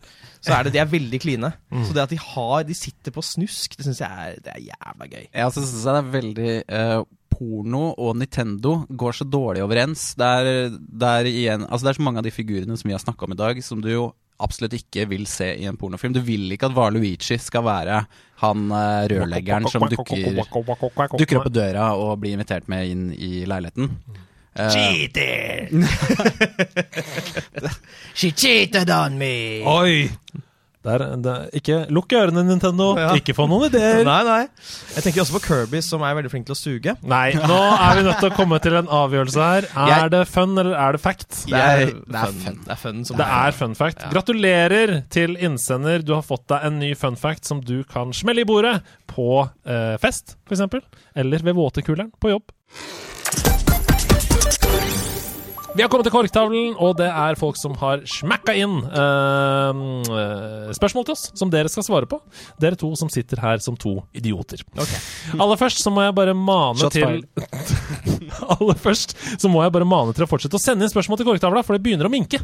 Eh, I mitt korktavledokument det begynner å minke, så hver gang dere lurer på noe, det kan være den minste ting, eh, for eksempel kan være konkrete spill, det kan være hva som helst, husk å skrive det til oss, da. Eh, vi eh, er faktisk helt avhengig av det. Så det kan sendes på alle DM-kanaler i sosiale medier. Det kan sendes på nerdelandslaget.gmail.com. Det kan sendes på Korktavlekanalen på Discord. Mange steder du kan sende det. Det kan være helt spesifikke ting. Det kan være hvor finner jeg den og den i det spillet, f.eks. Det kan være hva som helst. OK. Hei, alle New World-spillere. New World, Amazon, MMO, uh, nytt storspill. Jeg har laget et nyttig verktøy for oss som gir en oversikt over professions på tvers av våre companies. Dette skjønner de som spiller spillet. Jeg vil oppfordre alle spillere til å legge inn sin karakter her, og den er oppdatert. Og holde den oppdatert med hvilken level du er i i hver trade skill, sånn at det blir enkelt for alle å få tak i riktig person. Det er sikkert sånn at når man spiller dette store MMO-et, så trenger man en spesifikk ting. Da kan man gå inn der, da, i det slags bibliotek og finne seg Å ja, Johnny 41, han eh, trenger jeg nå. Eh, du finner i hvert fall dette på nerdelandslaget.com slash newworld. Ja! Nerdelandslaget.com slash new-world. Kjør! Kult. Så der har altså Paper programmert en hel løsning til dere. Hæ? Det er rått. Det er rått. Takk. Helle! Hva tenker dere om en remake av Super Mario 64, som har den samme enginen som Super Mario Odyssey? Og noen nye maps. Selv hadde det vært en innertier for min del, da Super Mario 64 er et av favorittspillene mine om tidene. Jeg plukket opp noen nylig til Switch, er rundt for første gang siden. Første gang jeg spilte det på DS. Hilsen Mellegard. Altså Det han spør om her, er en remake med litt sånn større, fyldige baner og sånn, da. Altså ikke bare at det er én til én uh, det samme spillet med bedre grafikk, men i Odyssey-verden. Altså i Odyssey-grafikkmotoren. Ja, ikke sant? Nei, altså, jeg har jo sett eh, Jeg så en modda versjon av Super Mario 64, der de hadde oppgradert grafikken. Jeg tror ikke det var til det nivået, men det var til sånn uh, Galaxy-nivå, Ja, for liksom. de har sikkert lagd i Unreal eller noe sånt. da Ja, jeg tipper. Ja, det. Uh, og det ser jo dritfett ut, og jeg tenker for all del at man kan gjøre det, men sånn for min del så er det så mye nostalgi i det spillet. Det, det er sånn utrolig viktig spill for meg. Det liksom åpna opp en hel verden, og det gjorde det for en hel generasjon, og det er liksom det første ordentlige 3D-plattformspillet. Eh, så gammelen i meg sier nei, når jeg skal spille igjen et spill her igjen om fire år, så vil jeg bare ha originalen å forholde meg til. Mm. Eh, og det er utrolig teit svar, så en av dere må si det motsatte av meg. Jeg kan sikkert si det motsatte, jeg, da. Eh, konservative Hasse. Eh, Hvor blir det av den Shots Fired? eh? Du er på jobb, Andreas. Jeg bare sitter og koser meg med konservative Hasse. Jeg glemmer at jeg må shotse fired. Eh, nei, jeg vet ikke om jeg helt forstår om det er på, er, det, er det bare grafikken, eller er det sånn at du også kan da eh, Nei, han skriver jo- bevege deg eh, utover de liksom sånn veggene du støter på i Ja, han altså, skriver jo liksom noen nye maps, da. Så Ja, um. Ja. um, ja, en, altså Super Mario Odyssey, det ser jo ut uh, Det ser mer levende og flourishing ut, på en måte. Ja. Eh, jeg syns det høres veldig spennende ut. Man har jo allerede den gamle eh, Super Mario 64. Så Mm. få liksom eh, oppleve enda mer av det universet der. Ja Mm. takk. Jeg skjønner begge sider av denne saken. Um, jeg tenker at det aller viktigste, hvis man skulle eventuelt ha gjort det, det er å beholde movementen og beholde um, uh, gameplayet, da, sånn som det er i det første, fordi det sitter så Ja. i fingrene til folk. Så Veldig bra! ja, det er så bra. Ok, Shula hei! Jeg vil anbefale alle å se filmen Free Guy med Ryan Reynolds i hovedrollen. Eh, uten å spoile for mye, så handler filmen om en person i et open world-spill som oppdager at han bare er en NPC, og bestemmer seg for å endre sin egen og alle andres skjebne. Mulig det er noen gode spillreferanser i filmen også. Den er tilgjengelig på kino eller Disney Pluss. Hilsen Royal HD. Hva tenker du, Hasse? Sett den. Uh, og det som er interessant med den filmen, er at uh, den er på en måte bedre enn den har rett til å være. Man skulle tro at det skulle bli en ordentlig klein cringe-fest. Eh, der det bare virker som at ingen, har, altså, ingen av filmskaperne har skjønt hva som spill er. Eh, men den er liksom overraskende gøy. Det er fortsatt en veldig sånn Hollywood-aktig, litt sånn klissete historie i bunnen der. Men eh, absolutt underholdende, og, og den har noen kule referanser. Uh, Terningkast fire. Ikke sett. Så der har jeg ikke så mye å uh, kaste meg på. Da har du et uh, filmtips du kan ta med deg hjem Ja. etter denne podkasten. Mm. Hva er deres favorittbrus? Kjøttet går i evig tid. Hilsen Monseren. Det er ikke verre. Hva er deres favorittbrus? Fanta Free. Oi! Fanta Free, det må jeg huske til neste møte med nederlandslaget. Da skal jeg kjøpe Fanta Free til deg. Det skal du slippe. Ingefærbrus. Å, sånn ingefærøl, er det det heter? Ja, ja, ja. Altså, all- altså, det er no, noen bedre enn andre, men uh, altså, all form for sånn ingefær, uh, alkoholfri ingefærdrikk, Mm. det er min eliksir. Åh, din potion. Ja, ja, ja. Jeg er glad i veldig mye brus, jeg, men helt vanlig Fanta Jeg kommer alltid til å være en uh, stayer, eventuelt uh, Cas Naranja fra Mallorca, som jeg drakk da jeg var liten. Men nå drikker vi eh, Mountain Dew, eller Ja. du sa det er gamingbrusen, så jeg, jeg var med å kjøpe det bare pga. det. Og det er første gang jeg har drukket det på veldig lenge, og det jeg veldig Det er kanskje noe med stemninga her og sånn å, å gjøre, da, men jeg satte veldig pris på det. Jeg òg, Mountain Dew var helt nydelig, det nå. Ja. Kan jeg komme med en fun fact om Fanta? Ja. Uh, har dere, vet dere allerede om origin storyen til Fanta? Nei. De har rettigheter til en pornofilm, kanskje? Shots fired! Jeg lurer på hva den skulle hett, eh, den filmen. Mm, Fanta Exotic. Fanta 6. ok. Nei, det som er greia, er at eh, Coca-Cola okay, ok, ok, De ler fortsatt av eh, de, de tenker bare på sex. Jeg tenkte Fanta Sexotic, men jeg orker ikke å Ja, det er jo genialt! Ja. Herlighet. Jeg skjønner hvem som er redaktør for et uh, fredagsunderholdningsprogram her. Ja, det er ikke meg. Nei, ikke meg heller. Coca-Cola uh, ble startet på slutten av 1800-tallet, ble kjempesvært i hele verden, inkludert i Tyskland.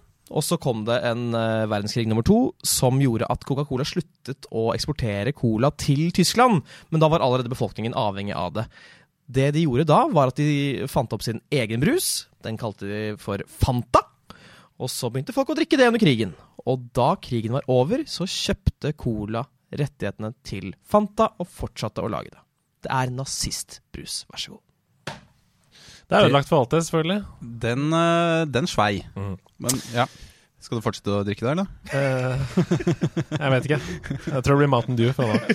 Hei, laget! Jeg trenger noen gode tips og råd. Jeg har solgt unna litt gamingutstyr for å kjøpe PC, så jeg kan spille med kompiser. Jeg er ikke helt i mål enda for å få kjøpt PC til å kose meg med, men bl.a. Battlefield 2042. Og nå har det dukket opp flere kjipe og uforutsette regninger, så jeg er nødt til å bruke PC-pengene på disse. Åh, trist. Eh, har dere noen tips til PC, deler etc. billigst mulig, som klarer å kjøre Battlefield 2042 på OK grafikk? Jeg trenger både PC og skjerm. Hilsen Knukken. Og dette er jo litt sånn, Du kan ikke bare få den på strak arm her i studio, så jeg har forberedt litt her. Og det er to ting det er to ting som jeg kan anbefale. Og Det første det er å lage en liste over nøyaktig de komponentene som du trenger. Altså Hvis du trenger eh, et kretskort, en eh, hovedkort, eh, grafikkort, strømforsyning osv., lag det, og så følger du veldig nøye med nå under Black Week, Black Friday. Og så ikke, kjøper du ikke masse du ikke trenger. Du kjøper bare det du har bestemt deg for at du skal kjøpe på forhånd, når det er på tilbud. Eh, Det er et veldig godt tips, syns jeg. Og det andre det er å bruke da kjøp og salg, eller TechPreik-kanalen, inne på Discord. For der er det veldig ofte folk som har oppgradert utstyret sitt, som da både gir bort, faktisk, eller selger da for en veldig symbolsk og hyggelig sum eh, det gamle grafikkortet sitt, f.eks. Og det er altså nå nylig inne på Nederlandslag Community så var det noen som ga ut bort et 1080-kort. Og det er jo mer enn bra nok til å spille eh, Battlefield 2042. Så følg med der inne. Det er mine tips til det. Har dere noe dere vil legge til der? Overhodet ikke. Det, ah, det, det, det, finnes ikke et fnugg av interessant, eh, intelligent info jeg kan gi. Null sandkorn av 100. Mm.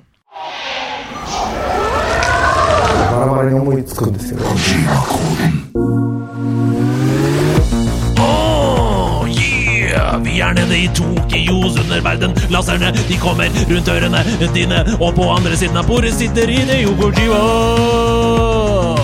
Hideo Kojima natato ne Mario. Hideo Kojima natato ne Mario. Ja, Hideo, hva har du å si til ditt forsvar? Jeg kan si at jeg skal snakke om noen spiller med en Fario. Jeg, jeg har laget noen godter til dere òg. For det er helt riktig! Hideo Kojima han har tatt over Hasses body Han har tatt over min body og body og Det må vi da få høre, da. Få høre Hideos eh, ord. Hideo Kojima, han er Eh, 僕の私のはあの本当にヒデコジマの体は私です Oi, oi, oi, oi, oi. Det stemmer, folkens. Hideo Kojima er dypt inne i bodyen til Hasse Hope. Um, Wow. I Kojima-koden så er det sånn det føltes som jeg var på rave eller noe sånt nå. Jeg ble helt uh, Ja. Kojima gjør ofte det med deg. Uh, Hideo Transe. Kojima, denne legendariske spillskaperen, er jo kjent for uh, innfløkte rebuser. Uh, man måtte f.eks. Uh, klare en boss i Metal Gear Solid ved å ta ut Player 1-kontrollen og putte i Player 2-slotten. Sånne ting. Eh, Ting som blåser hodet ditt. Og innimellom så tar han over våre kropper og skriver rebuser gjennom oss. Og denne uka så er det Hasse som har blitt tatt over av Hidio Kojima. Uh, han har skrevet noen rebuser hvor det har lurt Det er et spill som ligger gjemt inni der. Og vi to, da, Anders, vi må gå sammen og slå hodene våre sammen for å prøve å skjønne hvilket spill det er vi skal fram til. Dere må rett og slett skru opp IQ-nivået deres. Ja. For det er eh, lavt. Det er lavt som en eh, Shots fired. Ja, sorry. Ikke noe shots fired her. Nei. Drar seg ikke helt på jobb på den der shots fired-greiene. Jeg må lære meg Jeg må gå på radiokurs med Ronny Bredde også, eller et eller annet. Jeg har eh, to eh, Kojima-koder, fordi Hidio Kojima har tatt over min Body O. Eh, og vi begynner med første Kojima-kode. Ok, Er du klar, Anders? Vi må ja, ok. Yes, jeg er klar. En utfordrer til verdens største i sin sjanger. Fra et land med spillhits mange, mange, mange ganger. Produsenten av spillet, han er en legende. Med et maritimt kallenavn. Hva heter han, min frende? Ok. Uh, det største i sin sjanger tenker jeg Fifa, og så tenkte jeg Pro Evolution Soccer med en gang. Uh, Ja. Som en utfordrer til det største spillet i sin sjanger. Men skaperen har et maritimt navn. Det er ikke sånn at jeg går rundt og tenker på skaperen av Pro Evolution Soccer og tenker ja, stemmer det, det er Johnny Fish. Ja, ja og, og da er det Captain Fish, liksom? Ja. Det- Phil Fish? Det er en spillutvikler. ja Tenk at jeg bare det- sa det- Johnny Fish. Ja, for Phil Fish eh, kjenner ikke jeg til. Hva er det han har lagd? eh, Indie Game The Movie, så har han, han lag, har lagd spillet Fez. Dette Ja, ja. plattformspillet med den lille figuren med en rød fez på. Yes. Men en utfordrer til det største i sin sjanger. Han må være Mario, da, i så fall. Også til et land som har mange ganger suksesser. Var det det? Kan du få, få Fra et land med spillhits mange, mange, mange ganger. Ja, fordi Hvilke land er det vi liksom uh, trekker frem da? Da er det Japan. Ja, eh, og så er det USA, da. Ja. Og ja, hva er det liksom de store landene? Det er USA, Japan, Sør-Korea. For Det må være en av de eh, Du kaster ikke ut den der på eh, På Kroatia, liksom? Det sier jeg ikke en dritt om. Nei, men en, en spillskaper med maritimt navn Jeg vet ikke hva vi kan tippe her. En utfordrer i etter, Er vi inne på noe som helst her? Jeg tar neste. Du har ikke lyst til å komme med et eh, tipp først? Nei, altså det, det du sa hørtes uh, riktig ut. Altså Utfordrer må være utfordrer til uh, et stort fotballspill eller et stort idrettsspill, kanskje. Eller utfordrer til et av de største plattformspillene. Mario-typ. Nå tenkte jeg på en annen ting òg. Jeg må bare si det kjapt. Og det er at ehm, Sverige har blitt veldig gode på spillutvikling. Der har vi Dice, og da har vi Battlefield, som utfordrer Call of Duty. Ok. Um, og der kan det være sånn her Jonas Fiskfader, som er eh, utvikler av spillet. Ja, ja. For han har ikke bare et maritimt kallenavn, han heter også Fiskfader. Ok, jeg noterer meg det. Nei, skal vi si Battlefield? Eller, altså, jeg tenker Pro Evolution Soccer, Battlefield eller Fez. Jeg vet. Ja, De to første der høres jo veldig plausible ut. da. Jeg har ikke noe bedre forslag, jeg. Er det, kommer det flere hint nå? Ja, nå kommer det et nydelig hint som dere har lyst til å høre. Ja, da tipper vi Battlefield. Ok. Jeg er med på det. Det er feil. Ah! Hideo Kojima er fortsatt eh, inne i min kropp, og her kommer nummer to. Et spill om mennesker som gjør alt de kan, med én ting for øye. Deres hjerter står i brann. Men ett problem har spillet, og det går jo på navn. For å ei ha rettigheter, det blir fort et savn. Det må jo være Pro Evolution Soccer. De har jo ikke rettigheter til klubbene, så det heter Liverpool. heter sånn uh, Heter sånn North Reds og sånn. Ja. Nei, men det høres jo veldig riktig ut, det. Og da er jo spillutvikleren der. Jeg serverer videre til deg, eh, Andreas. Ja, det vet jeg ikke, men hva det første eh, Hjerter Kan du lese en gang til? Mine tanker gikk jo et helt annet sted, men jeg, men det tror jeg det, det passer jo ikke inn med der. Men, men altså, mennesker som gjør alt de kan. Så, så tenkte jeg umiddelbart Sims. Ja, for Og så så jeg, sier du hjerter i brann. Da tenkte jeg ok, det går an å ta fyr der. ja. Eh, som var veldig sånn bokstavelig tolkning av det, men det pa passer jo ikke inn i det store Sims er vel mer en utfordrer til livet selv. Oh, det er jo dagens Litt poetisk. mest poetiske setning. Wow, der er du Har den en sånn knapp på jinglepaden hvis noen sier noe poetisk? Ja. det er ikke sånn Det er ikke det samme. Skal vi prøve, prøve den her isteden? Ja! Ja! Du, det var dritbra! Det var helt perfekt. Og dette oppdager vi nå, på slutten! Du kunne brukt det hele sendingen. ok. Bare les den første gangen gang til. Et spill om eh, mennesker som gjør alt de kan. Med én ting for øye, deres hjerter står i brann. En spill om mennesker som gjør alt de kan. Ja, for det var det jeg tenkte da. At det var liksom ok, alt Som gjør alt de kan. Deres hjerter står i brann. Men det passer jo også med ja, altså at det er en idrettsanalogi, på en måte. At man eh, Ja, det er kanskje Hjerter i brann i, Ja. i Pro Evolution Soccer, liksom. Men rettigheter Hvilke andre spill er det man ikke har rettigheter, da? Deres hjerter står i brann. Er det slåssespill? Nei, jeg har ikke noe tipp, jeg. Det må bli Pro Evolution Soccer. Før jeg svarer på om det er riktig, så skal dere få høre tredje. Oi, du har tre hint, ja. Spillets rival, det er et stort forbund. Som hvert Ja. år selger mest. Ingen tvil, les min munn. Men purister vil si at dette spillet er best, når man først skal late som man er med på fotballfest. Ja, veldig bra. Ja, du hadde jo riktig fra start. Du hadde riktig fra å starte, og jeg var så redd for at du skulle ta det, for jeg hadde så lyst til å fortsette. Det var gøy. Fordi Wow. eh, produsenten av spillet Han er legendarisk, han heter Seabass. Og det er liksom Ah. han som har skapt spillet. Han er liksom På samme måte som han som uh, lager Smash Brothers. Det er liksom han som styrer den skuta aleine. Nei, det visste jeg ikke, faktisk. Da lærte jeg noe i dag òg. Kult. Neste kode. En spillserie delt opp i flere deler. Like mange som eh, Haisommer, men jeg dveler. Utgiveren er nok mest kjent for Anet, og er rike. Rikere enn Chandler Bing. det rimer ikke, faen. Rikere enn Chandler Bing i Friends. Jeg vet ikke hvorfor jeg hadde Hæ, hva har skjedd her? Hideo Kojima har overtatt med en absurd kode. Jeg vet okay. lite om økonomien til Chandler Bing, annet enn at jeg tror han tjener helt gjennomsnittlig. OK, les hele en gang til.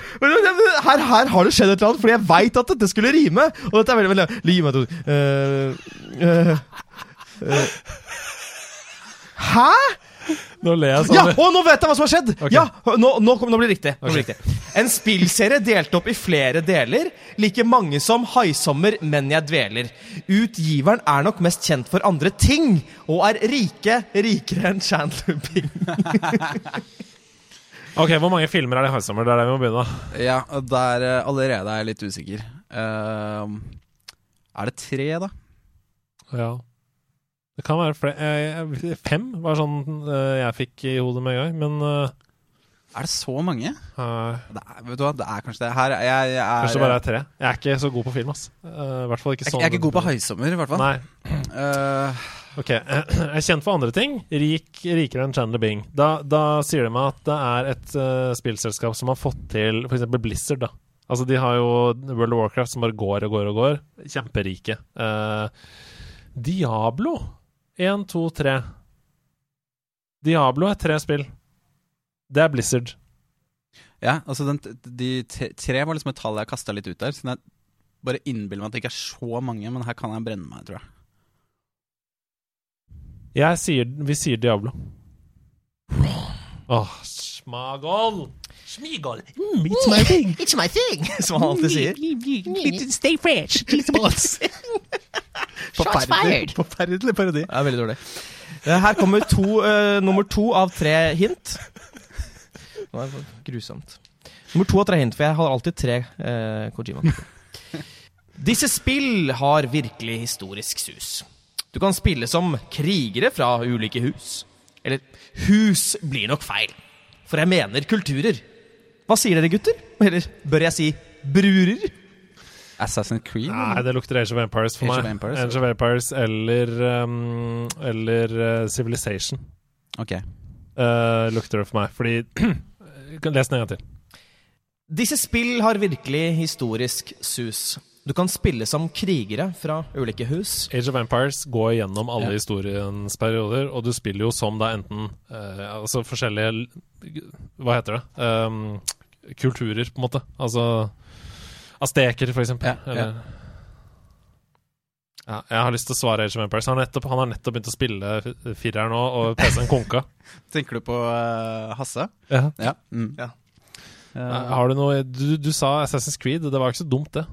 Nei, men det, det, hørtes, det hørtes jo mye mer overbevisende ut eh, med resonnementet ditt eh, nå, da. Age of Empires. Ja, vi sier det. Ok, jeg skal ikke svare helt ennå før jeg har lest tredje. En spillsjanger som pika i 1998, med et spill som Sør-Korea alle kjøpe måtte. Men denne serie, den var ei sci-fi. For her gikk du fra steinalder til opplysningstai. Age of Empires! Men vi må, Veldig bra! ja, ve- det var, dette er veldig gøy. Uh, men tilbake til hvem er det som er rikere enn Chandler Bing? Grunnen til det er at uh, det er Microsoft som står bak, og Ja. de driver jo da søkemotoren Bing. Derfor sa jeg Chandler Bing som et slags hint. Veldig bra. Fordi, Altså- ja, Kojima-koden, ass. De er uh... veldig godt. Det er Eh, innfløkte. ja. ja, for man, det er viktig å liksom ikke henge seg opp i økonomien til Chandler Bing der. Nei, men man har jo lyst til det. Ja, Man har jo lyst til det. For jeg lurer på hvor mye han tjener. Ja, han har jo svær fuckings leilighet uh, i New York, liksom. Det som også er gøy, er jo eh, at vi tror at bare Chandler Bing er noe han har tulla med. Men det er jo viktigere enn man tror, da. Å henge seg opp i sånn som henger heng oppi. Bing. Nei, dette var imponerende. Ja, veldig bra jobba. Tusen takk, Hidio Kojima. Du har kommunisert gjennom Hasse. Gjerne kom ut av kroppen hans nå. Oi. Åssen føles det nå? Nei, det var rart. Jeg fikk Hydio Hidio ut av rumpa. Jeg tror vi gir oss på Den poetiske jinglepad-knappen. Der, ja. Tusen, tusen takk for at du har vært gjest i Nederlandslaget, Anders. Det var utrolig gøy. Tusen takk for at jeg fikk være her. Jeg uh, syns det var superhyggelig. Jeg ble litt overraska selv over hvor mye jeg klarte å snakke om. Mm. Eh, og uh, syns det var skikkelig, skikkelig kos. Altså, du fikk tre poeng i Ja, det var, altså, det var skikkelig skikkelig gøy. Det, skal, jeg skal, det første jeg skal gjøre når denne episoden er ute, er å spole til det punktet hvor jeg gjetter riktig der, for det vil jeg høre igjen. Mm. Og så slette episoden. Så skal jeg slette episoden. Jeg skal uh, gå til rettssak mot dere og få den fjernet. Eh, vi pleier å spørre gjestene våre om det er noe sted man kan finne mer av det. Vil du plugge noe? Er det noe du har lyst til å legge fram? Eh, altså Man kan høre mer av meg i podkastformat i Maskorama-podkasten. Så kan man se på uh, Kåss til kvelds, hvor uh, jeg har en finger med i spillet i hva som skjer. Og så kommer jeg nok ut med noe ny musikk med bandet mitt uh, Postboys på et eller annet eh, tidspunkt i nær fremtid, kanskje. Der er det også masse deilige hits som du allerede kan høre på. Så gå inn og hør på Postboys på Spotify, Tidal eller din prefererte strømmeløsning. Det er ikke på YouTube, er det det? Eh, sikkert på et eller annet nivå, men eh, gå inn på strømmetjenestene. Hasse, hvordan har du det? Har du noe du har lyst til å legge til til slutt? Nei, bare kjør på, folkens! Gjør det dere har Fortsett å gjøre det dere liker å gjøre, dere der ute som hører på oss. Fortsett med det. Kos dere med det. Jeg har det bra. Ha det! Ha det! Ha det! Ha